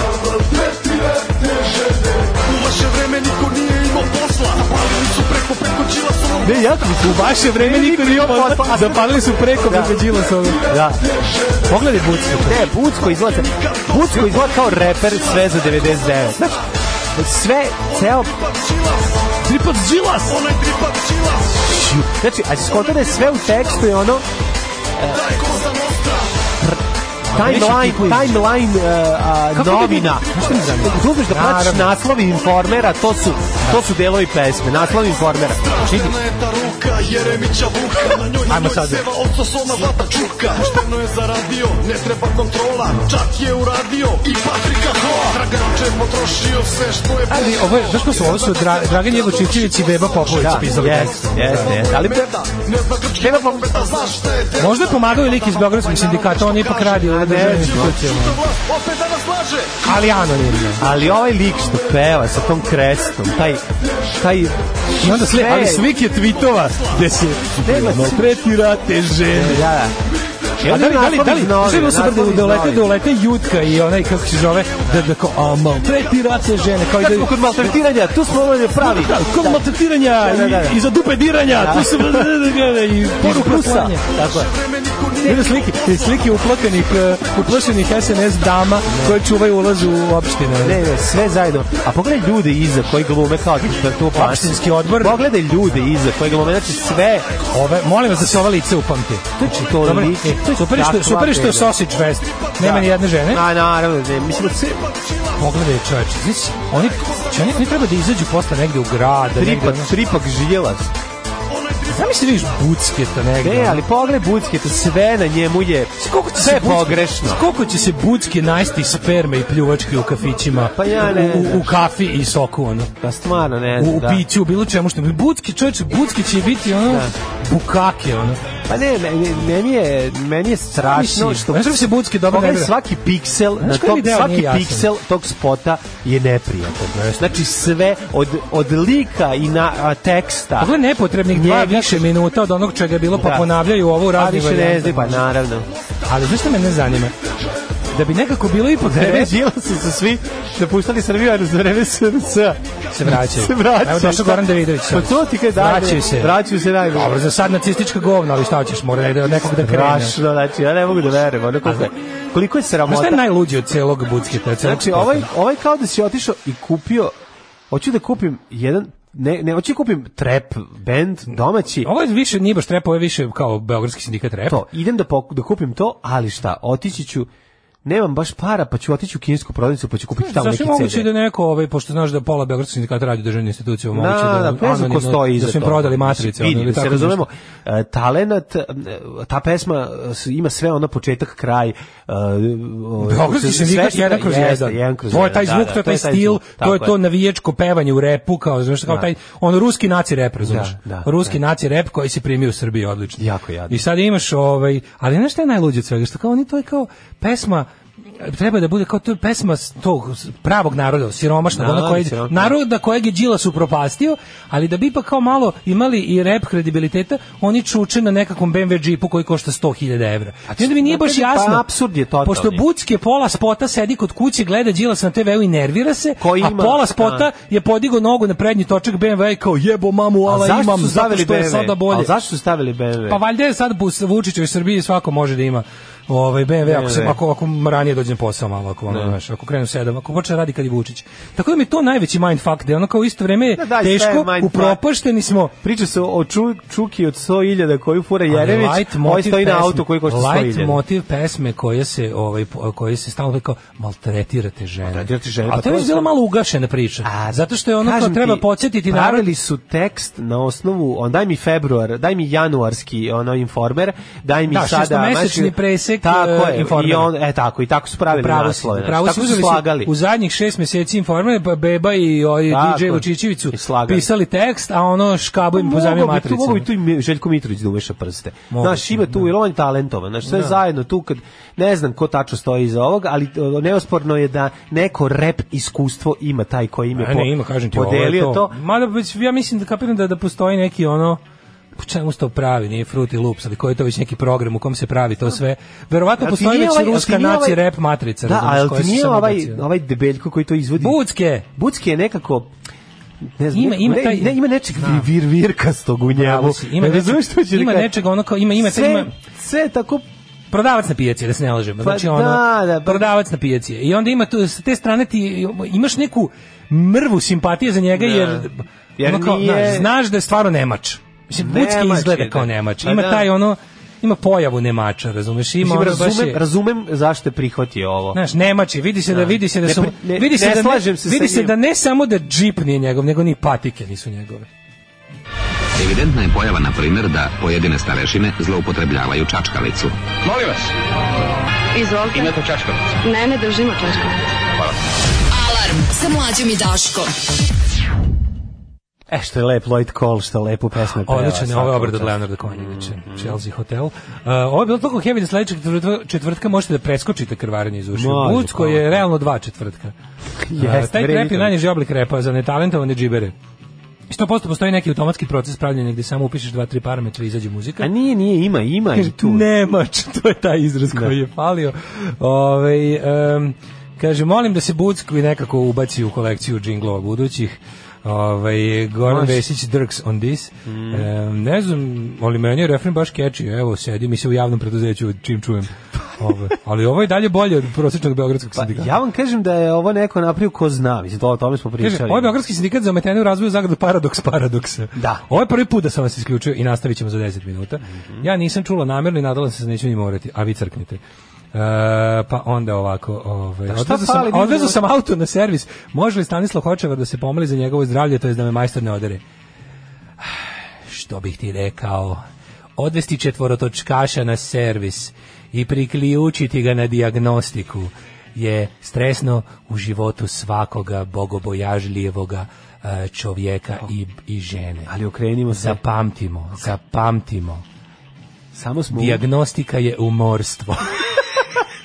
novčanika. Novčanika. Mi moramo sprečiti zače, ne možemo sprečiti začeće kvara. Ali moramo biti u svoj automobil kao dar Boži koji ne možemo pustiti jer samo Bog može da proglasi automobil za nevozni. Dakle, ovaj, upoznaj se s majstorom, to je jedini način. I onda veruj da te ne levati. Eto, to je, znači, nemaš majstoru dokat i to je tako. Šta fali, ja, recimo, ja zbog Bucke da kandidujem ideju da se Srbija pretvori u poligon za paintball i stazu za skejtere. Pa, mislim, uskoro će to i postati. i navijački refren su BS, estetika spota je THCF, mm -hmm. drugari BS koji pevaju o košarci i Kosovu. Tako je. Da. Um, kaže, ovaj, da vam javim do da subotu stiže se ja Exxon u Novi Sad. Videla sam da imaju svirku, ne znam gde. Ne volim, da, da budem iskren, meni pušenje se je seksona bez veze. Znači, meni je zabrano pušenje završilo se s Jugoslavijom, tako da nije mi govnarsko, naravno, Sja Sekson mi je car i, i mhm. čovjek od integriteta, ali mi isto njegov deo... Zabrano, autorski mi je tanko. Ja autorski da tanko i to mi se ne da. sluša, jednostavno. Ne. Mhm. Naravno da mi je bolji čovjek i da, ga, da bi volao da ga, onda se družim s njime, kao što ne bih sa Neletom Karolićem, ali mi je zarebsko pušenje isto tankoće, ono dok mi je ovdje, kao, ne, bo, ne, Beogradsko mi se gadi, a Sarajevsko mi se samo ne sluša. Pa meni onaj Jugo 45 tanko. Mislim, tanko, ja stvarno mogu znaš, sve to što sam, pa sve što sam preslušao sam jednom. Ima, i... zato što otiše, znaš šta, ono, nes, nesporno da pa kad prođeš kroz ratno iskustvo, kroz ratno iskustvo i ta sranja i taj, taj vrd, vid razočarenja i muke i svega, to ostavi utis, utice na tebe i onda posle jednostavno nije, samo... nije zabranjeno pušenje, that's not what it's about, pa, razumeš? Pa, ja e, ti smo hiljadu puta pričali o to, tem, tom bendu nedostaje Jugoslavija da bi mogao da funkcioniše. Mislim, taj bend kad je nes, nestao, taj bendu, taj bend je či, mislim, možemo i da mislimo šta hoćemo, ja preziram Neleta Karlića, ali tom bendu nedostaje Nele Karlić. Tako je, kao što, kao što Neleta Karlić nedostaje. To, se, to radi samo u toj kombinaciji. Pa naravno. Znači, ja bih volao da, da Seo Section ostaje napravio, napravio novi bend, zovemo se, ne znam kako, i sviramo nove stvari stvari možda, ali pošto ja to stalno u glavi povezujem se za, sa, sa zabranjenim pušenjem koji mi je bio jedan od najboljih bendova Jugoslavije, da. onda mi je ovo apsolutno tankoće i nije mi to to. Jednostavno, ta vrsta patetike čak i ako je ispravna, ako je na mestu, ne ne priliči zabranjenom puš, imeno zabranjeno pušenje, razumeš? Pa, zabranjeno pušenje je ipak hajvanski bend, ono, pa gled, malo mora da bude ono. Gledajte, fali to, bez obrazluka, fali. Gledajte fali to, ovaj jednostavno taj bend je mogao da funkcioniše samo u tim uslovima I, ja. kada su ti ljudi bili u njemu. Tako je. Kada su se ti ljudi razišli na način koji su se razišli, ono što je E, se razvilo, a to su dva zabranjena pušenja, ni jedno ni drugo nije dobro. Nije da, dobro I da, to je da, to. E sad, s tim što je jedno zlo. Pa, s tim što je jedno da jedno je stavljeno u, u, u, u a, e, Da, uh, nije dobro. To je to, ne, jednostavno je tako. Uh, Daško, umetnost. Umetnost, umetnost, umetnost. Šetao 99 telefona u kolicima, izazvao lažne špiceve na Google Mapsu. Da. Umetnik, kreten, uh, umetnik, šta reći? Kreten, meni je pa, skroz... To je artist no, ja in the time of pa, Google Ovo je ozbiljan umetnik, ali kad kažemo kreten, ne mislim kreten u negativno. Što se zvalo? Postoje jedan izraz koji je bio jako popularan početkom 21. veka, nešto je nestao. Culture jamming. Da. Culture jamming, to je, ne znam da li to ikad stiglo da dobije našu, našu, naš prevod, ali je to bio jedan onako anarhistički izraz antisistemski, gde su ljudi koristeći umetnost, grafički dizajn, savremene medije, pravili sranje stavlješnika. Dobro, aj sad stani da te ja pitam nešto. Um, e, kad čoveka koji e, u onom malim kolicima plastičnim vuče 99 telefona, pomislio bi da odlazi na najlon pijacu da svoju tezgu Tako je, pomislio obogati. bi da bi otkupio njega nešto. Tako je, međutim, umetnik Simon Vekert je izazvao ovaj, oglašavanje alarma za saobraćajne gužve na Google Mapsu, tako što 99 mobilnih telefona sa uključenim lokacijom prošetao u kolima kroz centar Berlina. Performans je nazvao hagovanje Google Mapa. Da. Ove, Verket je telefone pozajmio od prijatelja i kompanije za prisvodnju istih. Na snimku koji se vidi kako aplikacija registrovala telefone, kako lagano kretanje vozila i kao lagano kretanje vozila i zato je oglasio alarm za upozorenje na saobraćajne gužve. Preslatko je. Mislim, ja ću kažem, kad sam da. rekao kreten, mislio sam ne, ne, ovaj da, da, da, pozitivnom smislu. Znači, pozitivno. Lud pozitivno pa, smislu. Pa, vidi, pa, ludi pozitivno. Koji mi što smo ludi u pa, pozitivno ga volim. Ne, ali ovakve stvari ti iznova podsjeti kako možeš, bukvalno, ovo je u, u tehničkom smislu štap i kanap. Znači, ono, ovo je u tehničkom smislu, ovo, je nikakva, no. Da. nikakva ovaj, tehnička potkovanost ne treba da bi ovako zajebavao jedan veliki sistem na koji se gomila ljudi bespogovorno oslavlja, no. Da. oslanja kao što je ovaj, Google Maps. Mm. I sad ti u stvari šta možeš? Možda vidiš da čovek ukoliko žele, znači, pokazujete samo koliko su stvari kojima smo poverili sve u životu nestabilne. Da i kako nisu potrebni ono ne znam kakvi kompjuterski stručnjaci, pisci kodova i hakeri iz ono tajnih da, da to ono, neki iz, iz super podzemlja nego da može čovjek jednostavno da napravi diverziju ovog tipa pazi ti si, on, ovo je Ovo je, pazi, oni, je, mogu, pazi, oni mogu da stvori realnu gužvu time što će samim tim da napravi fake gužvu na nekom mestu i da svi vozači Ubera, svi razni on taksisti koji se oslanjaju na, na Google Maps da se da prođu kroz Berlin u tom trenutku se preusmere na neki alternativni pravac koji već sam po sebi kao znajući taj kraj manje prohodan i da naprave ozbiljno Razumeš? Možeš iz jebancije da parališeš saobraćaj u gradu u jednom mestu. Naravno, ne, vidi super. Mislim, ja moram da ti kažem, ja kao čovek kome je kome uh, eh, hakovanje um, eh, gotovo životni poziv. Pa nije životni poziv, ali se reći da mi se završilo time što sam sa daljinskim upravljačem na privesku zajebavao ljude koji u kafani gledaju televizor. Eto da tu mi se završilo. Bio ni tvoj Ove, ovaj, kako se zove, ali tu se završilo. Znači moj ja dalje nisam hakao. Da. A uhako sam dno života i pakao i ponove. Ove, ovaj, hteo sam da te Čuo sam da si se uhakio jednom. to je istina. Čuo sam da si jednom u kad se nacuga u Dublinu da nisi stigao kući.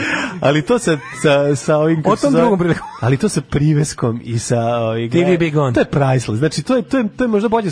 Ovo je advanced zajebavanje. Mislim, ja ovo, mislim, ja zajebavanje ljudi jako volim. Uvek. To, mislim, zajebavanje je ono... Naše hakovanje... To nas čini živim i to nas razlikuje od robota. Kada je in good to fun... Znači, ovako, moje etičko pravilo zajebavanja ljudi je... Da dakle, bi zajebavanje bilo zlojeb. Osnovna škola Mladen Rudarić jebio Daško Vidić zlojeb. znači, osnovno etičko zajebavanje se vrši na sledeći način. Da. Ako hoćeš ve, teže i slučajeve zajebavanja sa većim, kako da kažem, sa većim posledicama i bezobraznije, to žrtva mora biti da više zaslužila. Da. Znači, što je subjekt a, prevare i zajebavanja da. pokvareniji, veći, kako da kažem, ako uticajniji, to je opravdanje ga bolje, jače zajebavati. Jače, naravno. Bezobraznije. Mora da peče. A ovo neko, ovo prenkovanje ovako, to, je, to može svako. Mislim da, mislim da čak i zdravo da svako u životu bude žrtva jednog, no, Google jednog prenka. Mislim, to bi Google ozbiljna firma, treba je da ovako nešto. Treba je jako majku, naravno, ne, da se kriva ko greh zgomilo sranje. Da, i ovako nešto. Mislim, ako je ne... Ako, Aj, treba podsetiti ljude malo da ne budu roboti. Da, tako je. Malo treba podsetiti ljude da ne, se, da ne odriču se svoje ono kako da kažem, nemoj ono dokolica je majka ovoga. Pa, da. Znaš da ne, neko mora, neko mora da neko mora da, da- pa dokolica je. dokolica, izvinjavam se, to sam da kažem. Dokolica da. je majka dobre zebancije. A ove, u ovom slučaju, u njegovom slučaju ima ove četiri točka kolica, ali su super kolica kako izgledaju. Nisam pravo kažem, ne znam da li su neka dečija kolica ili za čega služi. Da li za kupovinu? Da, dečija kolica. Dečija kolica, da. A, ovaj, nego um, druga stvar je ovdje jako interesantna. Mislim, treba ipak nabaviti 99 telefona, čovjek se izdrndo da za ovo. Ja, nije. nije to nikakav problem. A šta nije problem? Više je bio problem nabaviti treba ti 99 telefona koji su uključeni. Ako nije nego, stvari ne, on je 99, nije to problem, nabaviš 99 telefona, a ako ih nije sve stavio, moguće da je negde našao da je da ovako, znaš kako to odradio, ja mislim. Mm -hmm najlakše da se ne muči, da ne ubacuje 99 kartica. Uzeo 99 telefona, ne mora da bude čak ni s karticama, ali ih je sve povezano na Wi-Fi Uh, uključio ih je i onda je sa, uh, uključio location sa A ovaj- uključen ti location stalno, uključiš telefon da, nije, Tebi nije, ali ti oni pom prati nikad, preko znači, nečeg. Samo kad nešto kad mi Waze radi, i ga be, bežim. ja znam da se ti isključiš, ali da. oni su pokvarnjaci napravili, ne znam da li si čitao, da. ovaj da Ne, e, naravno da ćete naći da tvoj telefon Ne, to policija će te naći. napravili su ti kad ti lokacija isključena da i dalje, da, da, da to ne znači da ti je isključena. Ne, lokacija ti jeste isključena što se tiče Googlovih satelita. Tako ti možeš da ne, da- ali policija može da nađe preko, dok, pazi, i kad je i mogu možete naći da nađu sa ugašenim. Preko snajper bave policija može da naći. Čekaj nađi Nađu sa ugašenim telefonom. Pogotovo što je problem što kod kod iPhona ne možeš da izvadiš da bateriju. Ne znam da li si video, bila je rasprava i u toku je bilo bila neko suđenje da, ozbiljno. To je radio. Vezano za to zato što Huawei a pa nije davao nikada da se zapravo isključi lokacija. Da se ne da ne može da, da se isključi. To je bila Huawei u saradnji s Googlom. Znači to ne bi bilo moguće bez Googleovih servisa. Znači Google zna to. Da, Apple je malo više jel na strani pošto ima tu libertarijansku filozofiju pa se lože na to kako je država neprijatelj gde, da, taj, to je deo u kom su u pravu, ali ovaj, a, u principu da, kod Apple isto problem što Apple ne možeš trajno isključiti izvor energije, dokle god on postoji naći ćete, ali ono kao ozbiljni ne, ne više Google i ne više ono komercijalni servis i ćete naći policiju. Znači ćete devojka koju hoćeš da je ovaj da iskideš aplikacije. Recimo, da želiš malo akcije. akcije.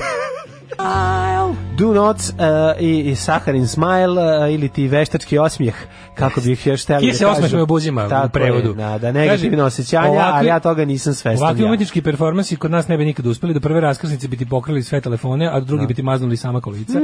Evo, super prank, stari TV za bacanje staviš pored kontejnera, napraviš jednu malu rupu, napuniš 20 kila peska i gledaš s prozora kako se ljudi muče da ga odnesu kući. A neće rekao, ga, ljudi, a neće ga ljudi nositi, neće ga ljudi nositi kući. Taj stari TV... To što ti te ljude koji to nose ne smatraš ljudima, to je tvoj problem. Ne, ne, neće ih, neće ih nositi, nosit će ih, ovaj, kako se zove, odnoći ih sekundarni sirovinari. Ili stranski, strašni re, karimski čuvari. Rekao si neće ljudi, nego sekundarni sirovinari. Ne, nisam to rekao. Jesi, ovaj. jesi, gledao sad ovo kao... Voliš Jonathan Paja? znaš onoga što, no, ne kao fake reporter, ono što ne, se nervira. Neće, neće ti ljudi koji, ovaj, za koje misli, neće neko doći iz zgrade pa ga vratiti gore. Znam, da bi nego, bilo zanimljivo nego to. Nego to bila fora kao kad, kad ti, da ti kao neko govnarski stavi da, reči da, usta, pa da, da ti ispadneš da. kao monstrum. Da ti govnarski stavi usta. Da ti govnarski stavi usta. E, o, e, došao nam krudi ljudi. E, došao krudi, odmah ću Kenja. Odmah ću znači, Neverovatno, znači, kakav čovjek. I to najbrže na svetu, znači kakav... Evo izašao Znači, uboje tricu bez koske. sad, sad, sad da recenziram mamičku. Sad će da e, recenziram, da, da. Nismo još pustili treći mikrofon u pogled, možeš da se Da, da, da ona da, da, radila. Ove, kaže ovako, Apple može da isključiš lokaciju, staviš uređaj u bakarnu kutiju koja je obložena aluminijumskom folijom. Mislim, jednostavno, male kućne čarolije. Um, kaže, evo, drugar i ja da. instalirali no. app univerzalni daljinski. Celo večer smo na neizmenično prebacivali kanale na TV Osta Ligi šampiona na Zvezde Grande ili Parove.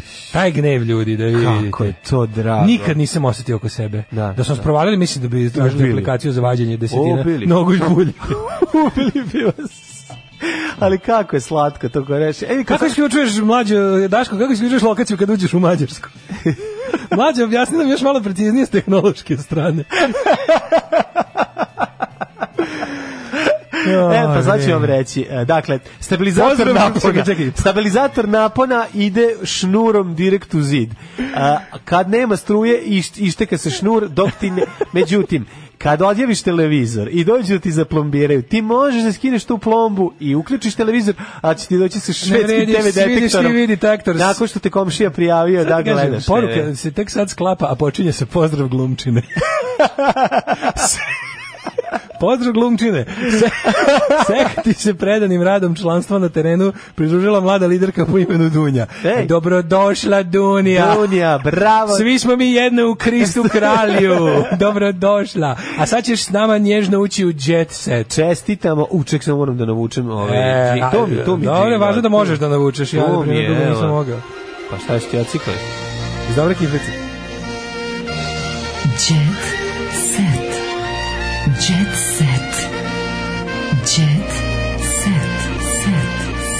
I dok Daško lagano čavrlija sa drugom. Čavrlija s krudijem. Probaj, molim te, korumpiruša, ona pri kraju, mislim da je s te strane. Korumpiruša? Da, pita da, korumpiruša. Da, da, da. Vidjet ćeš, ova sa suprotnog kraja gde je da. sir. Krompiruše je odlično. Juče je bila, ovaj kako se zove, najbolja na svetu, a što je najbolje i danas, inače Daš, Daško je stručno ostavio van frižider da ne bi bilo ladno da možemo da jedemo. Ja, hvala Bogu, to se može. Veliki si profesionalac. Ali i zapamtim. Ali je motivac, tako je. Ove, Luna, ništa nije propalo. Ne. Da. Ljubit ću te ponovo, suza bola, stani, stani, dolazi na srećni dan i pevao je. Mm -hmm. Jebem ga. Ko? Ne znam, Dragan Marjanić Mačak, nemam pojma. Osam godina čekaju pare, daš ko ovo je zanimljivo. Ili Sena Orlagić. Možda Sena Orlagić. Izvini. Da, ne znam. O, osam godina čekaju pare, ko, šta, parovi? Deo ekipe serije, sud, serije Jagodići, A, Bobići, nisu pa. dali pare. Slušaj, o, sa Žoržih ispalio. Pa naravno, slušaj kakvi pederi. ja, Žoržih ispalio, tako što ih je napravio da izgledaju kao Rambo, kao komandos. kao predator. Kao predator, ne komand, kao komandos, komandos, komandos, komandos. pusti koji, i naravno, znaš ko nije dobio? Rado je Čupić, znači novosadski glumci nisu dobili pare. Da, pa pizdama materi na Beogradski, kako da se ne odcepimo onda od vas? Naravno da su pogovi, a slušaj, Producent Dejan Lučić, nisam u situaciji da komentarišem ceo slušaj jer nisam u zemlji. Sa ovim lo, sa ovim lovom sam otišao na ovaj Sejšele, gde na ovaj, šešelje. na šešelje, še, Šešeljevska ostrava, odakle se javljam. A ovaj sad izvinite, samo malo mi zapalo od mohita, mi malo zapalo za grlo. Rade Čupić kaže da oni njegove kolege iz Vojvodine ne mogu da naplate honorare za svoj redove su glumci iz Beograda isplaćeni. Govnarstvo. Pazi, ja verujem da je ovo tačno. Znači oni koji su bili bliži produkciji kada je brod krenuo da tone. Ko je bio bliži da, kobasici? Da, taj je ušao. Ko je bio bliži siru kad je nestalo struje? Da, da, ovaj, taj je ušao u, u čamac za spasavanje, dok su naši vojvođeni ostavljeni da se dave i da se vataju za, za, za vekne leba, kao ovaj, siroti. Mladene. Ovaj. Čak i, čak i Nataša Bekvalac bolja haker od tebe. Ne zabolim. Šta je Nataša Čerka Bekvalac? Nataše i Danila i Kodinovića. Mama me uhodi, hakuje mi telefone.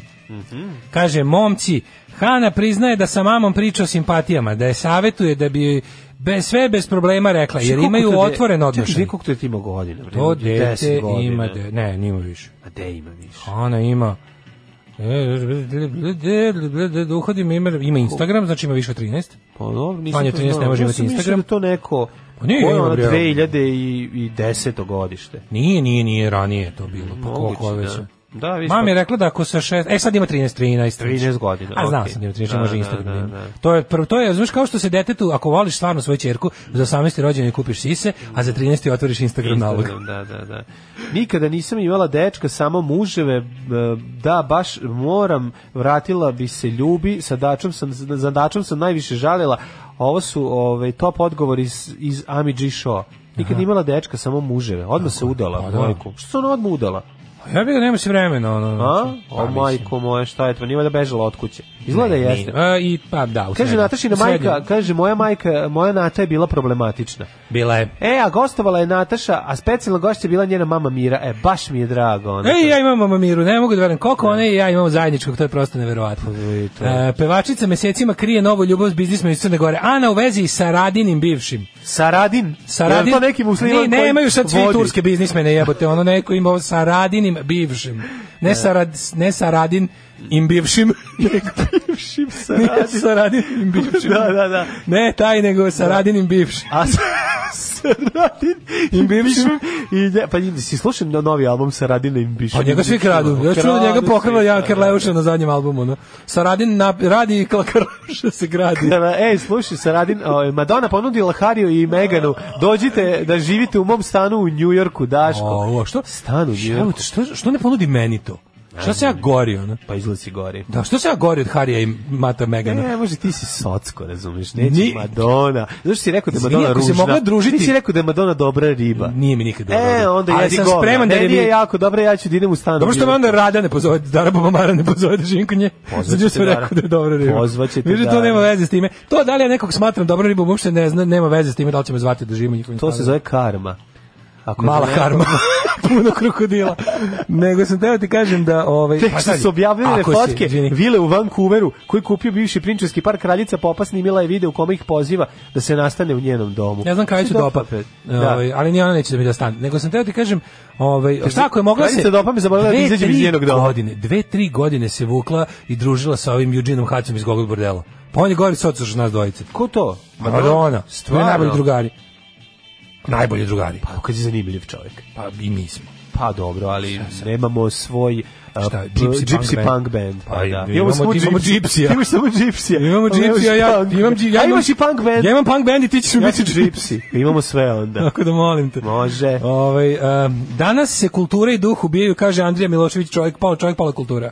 Čistim se od droge i pijem antidepresive. O, ko? Justin Bieber. A pa ne, ja sam rekao, ne može ne to. strani jet set tako dosadno. Pa nije nego, ne može to. Ti kad si Jao. mali, pa te sve to pogodi kao malog. Ne Stop može, everything. Snežana Dakić, dve tačke. Uh. Apeluje na devojke. Molim vas, čitajte i obrazujte se. Ne budite kao ja. Da, Članica sam dodao. Čitajte i da. obrazujte se, a zatim se dobro udajte. Za ono, nije sve jedno da li bivšima. Slušaj, da ti dođe sa radin i bivšim. Saradin Stvarno nije svejedno da li ste čurke. Da zvati današnje epizode. E, stvarno nije svejedno da li ste čurke ili žene u kojoj se gleda dok priča. Ja, Zato ej. gradite sise da bi se ja, gledalo. najbolje. Dok priča. Naj, naj, ono, najudavanija žena, naj, ono, ne, si ti sećaš nje koja je... Kad se ona udala, da. to je bilo najveće udatost. To je bilo, ono, ona je bila Dakić Mikić. E, pa ono. Dobar dan, e, kad ćeš se udati? Od kad se udala svi, sve pitali? Da, da. ove, ovaj, s nama je pobednica matematičkog lista takmičenja 11 godina. Još se e, nisi udala. A, mala da. luzerko, pička ti materina. Da, da, da. Kad misliš da se udaš? Kad misliš da imaš drugo prezime? Brat još pa da budeš emancito patolana. Evo, bar da pustimo završni šesti razred. E, matora, da. Viš kako sam se ja udala? A si se raspala. Ti se nisi nikad razred. udala. Ajde, zdravo baba. Skijanje se brzo uči, nisi blesav da sediš, izvinjam se, Ognjan sa sinom. Radimojević, e, smo sreli ga na Kopovniku. Jedno pitanje. Izvoli. Šta je ovo, ovo a, ja saga koja je Ognjana sa pevačem iz Kala, isti su mi ljudi. Koji, koji je Ognjan? A, Radimojević? Da. Jako sam podsjećao, zapravo nisu, nisu isti. Pa jedan drugi su ok, super likovi, mogu se pa Taj Ognjen je dobar lik. Pa dobar je, ja. Ovaj, zna, zna, da, zna da jeste, od za njega znam, pa, da, to njega poznajem. Ali da. ovog Ognja ne poznajem lično, ali e, neka zna da bude smešan na Twitteru, a ja to cenim. Naravno. A, naš razvod nije bio lep kao što se pričalo. Znači, Pričalo, kao J-Lo priča low. Um, bivša supruga tužila Slavka Beleslina. To je treći dan već traje saga. Uh, Slavko Beleslin prevario ženu, Slavko ali ne me... prevario je s drugom i ne, ne s drugom. Ne, ne, ne. Nego nešto. Slavko me obmanjivao 10 godina. Kako? Pa govorio da je, ima 25 cm. A gasio svetlo. Znači, teški bezobraznik. Iva Šiđanin progovorila o svom bivšem e, mužu. šta kaže? B boleslin, tako ga zovu. Šalim se, nije, to sam izmislio. Za mene on Boleslin. Za mene, da, da, da. Kao što je za Neš Šubajaga bio Balega, tako za nju sad on bolesli. Moramo za svakog koga oblate da izmislimo. Tako je. Nekadašnjeg supruge je dobio tužbu za krađu autorskih prava za emisiju Šta bi posle, Šta bi posle? Pa, se na čokoladu. sudu ju, juče nije pojavio, te ona istekla da neće odustati od pravde jer ona je gledala film Slučajevi pravde i želi da se to ovaj, obistini. Našao novu devojku, ne gubi vreme, svađao se sa radnikom parking servisa, polomio staklo. Ko to? Tu Slavko Bele. Slavko Bele pričao zajemali. Kako nije? Da, da. Ja sam čuo iz nekih izvora da je ovako... Šta? Čujemo, mladine. Ajde, ti si ti. Da je bolji voditelj. Nego čovjek. Kaže ljudi do kraja, ovaj nismo još obeležili 75 godina karijesa, karijere, izvinjavam se. Karijere. A, Zorica, karijera de la Sera, Zorica Bruclik rešila je da 45 godina karijere proslavi koncertom u Beogradskoj areni, gde je 2014. godine već nastupila kada je slavila 50 godina karijere. Ona sad ide unazad, ja, podmlađuje ja. se, zato što da. je suprug i one su ove, ovaj, idu na ove procese podmlađivanja, na vlagi vaginoplastike, da, da. A najveću podršku u pomoć dobio od supruga Miroljuba Aranđelovića Kemiša, kaže, svi uvek pričaju o areni, sad krećemo iz početka. Miroljub je u ozbiljnim pregovorima gde i, I zakazala je motel Radmilovac. Jubilej. Znaš kao, and then she went back to her roots. A znači ti ide do kraja i da napravi VH1 Storytellers. U Šapcu. VH1 Storytellers. Znaš, znaš to? Uh, ovaj, kako se zove, The Rise and Fall and the Rise of... Uh, and the Fall. Konflikt and the fall. Pošto će pasti. I onda bude kao, and then she went back to her roots. I vidiš onako 2020. Da, da, da, u martu zakazuje bife proleće u Petracu na Mlavi i tamo ono na karirnom stolnjaku se penje i gine. Ne, nego, dve, nego 2020. godine, pošto se vratila totalno svojim korenima, fura ovaj, u velikom ritu uh, vuče ono prikolicu telefonima. pa sad koliko ti hoćeš. baš to the roots. A koliko hoćeš? Više ovako to the, ne znam šta. Nađi na akumulator i kaže 200 dinara, yes, yeah! to je, to, to, je baš povratak Koreje. To je back to, to je baš roots, to je. Da, da, da. Ne taj A zamisli da se vrati skroz korenima. A zamisli da se vrati skroz, skroz korenima. I poče trguje konjima. Ne, nego. to su baba i deda. Pa to. Ne, ne, nego se vrati baš skroz korenima i pojavi se u filmu onom pioniri maleni. I malo me poleto pravo da vam kažem. To bila ona... To sam bezobrazan. Ćao. Zdravo. Tekst čitali Mladin Urdarević i Daško Milinović. Ton majstor Richard Merc. Realizacija Slavko Tatić. Urednik programa za mlade Donka Špiček. Alarms svakog radnog jutra od 7 do 10.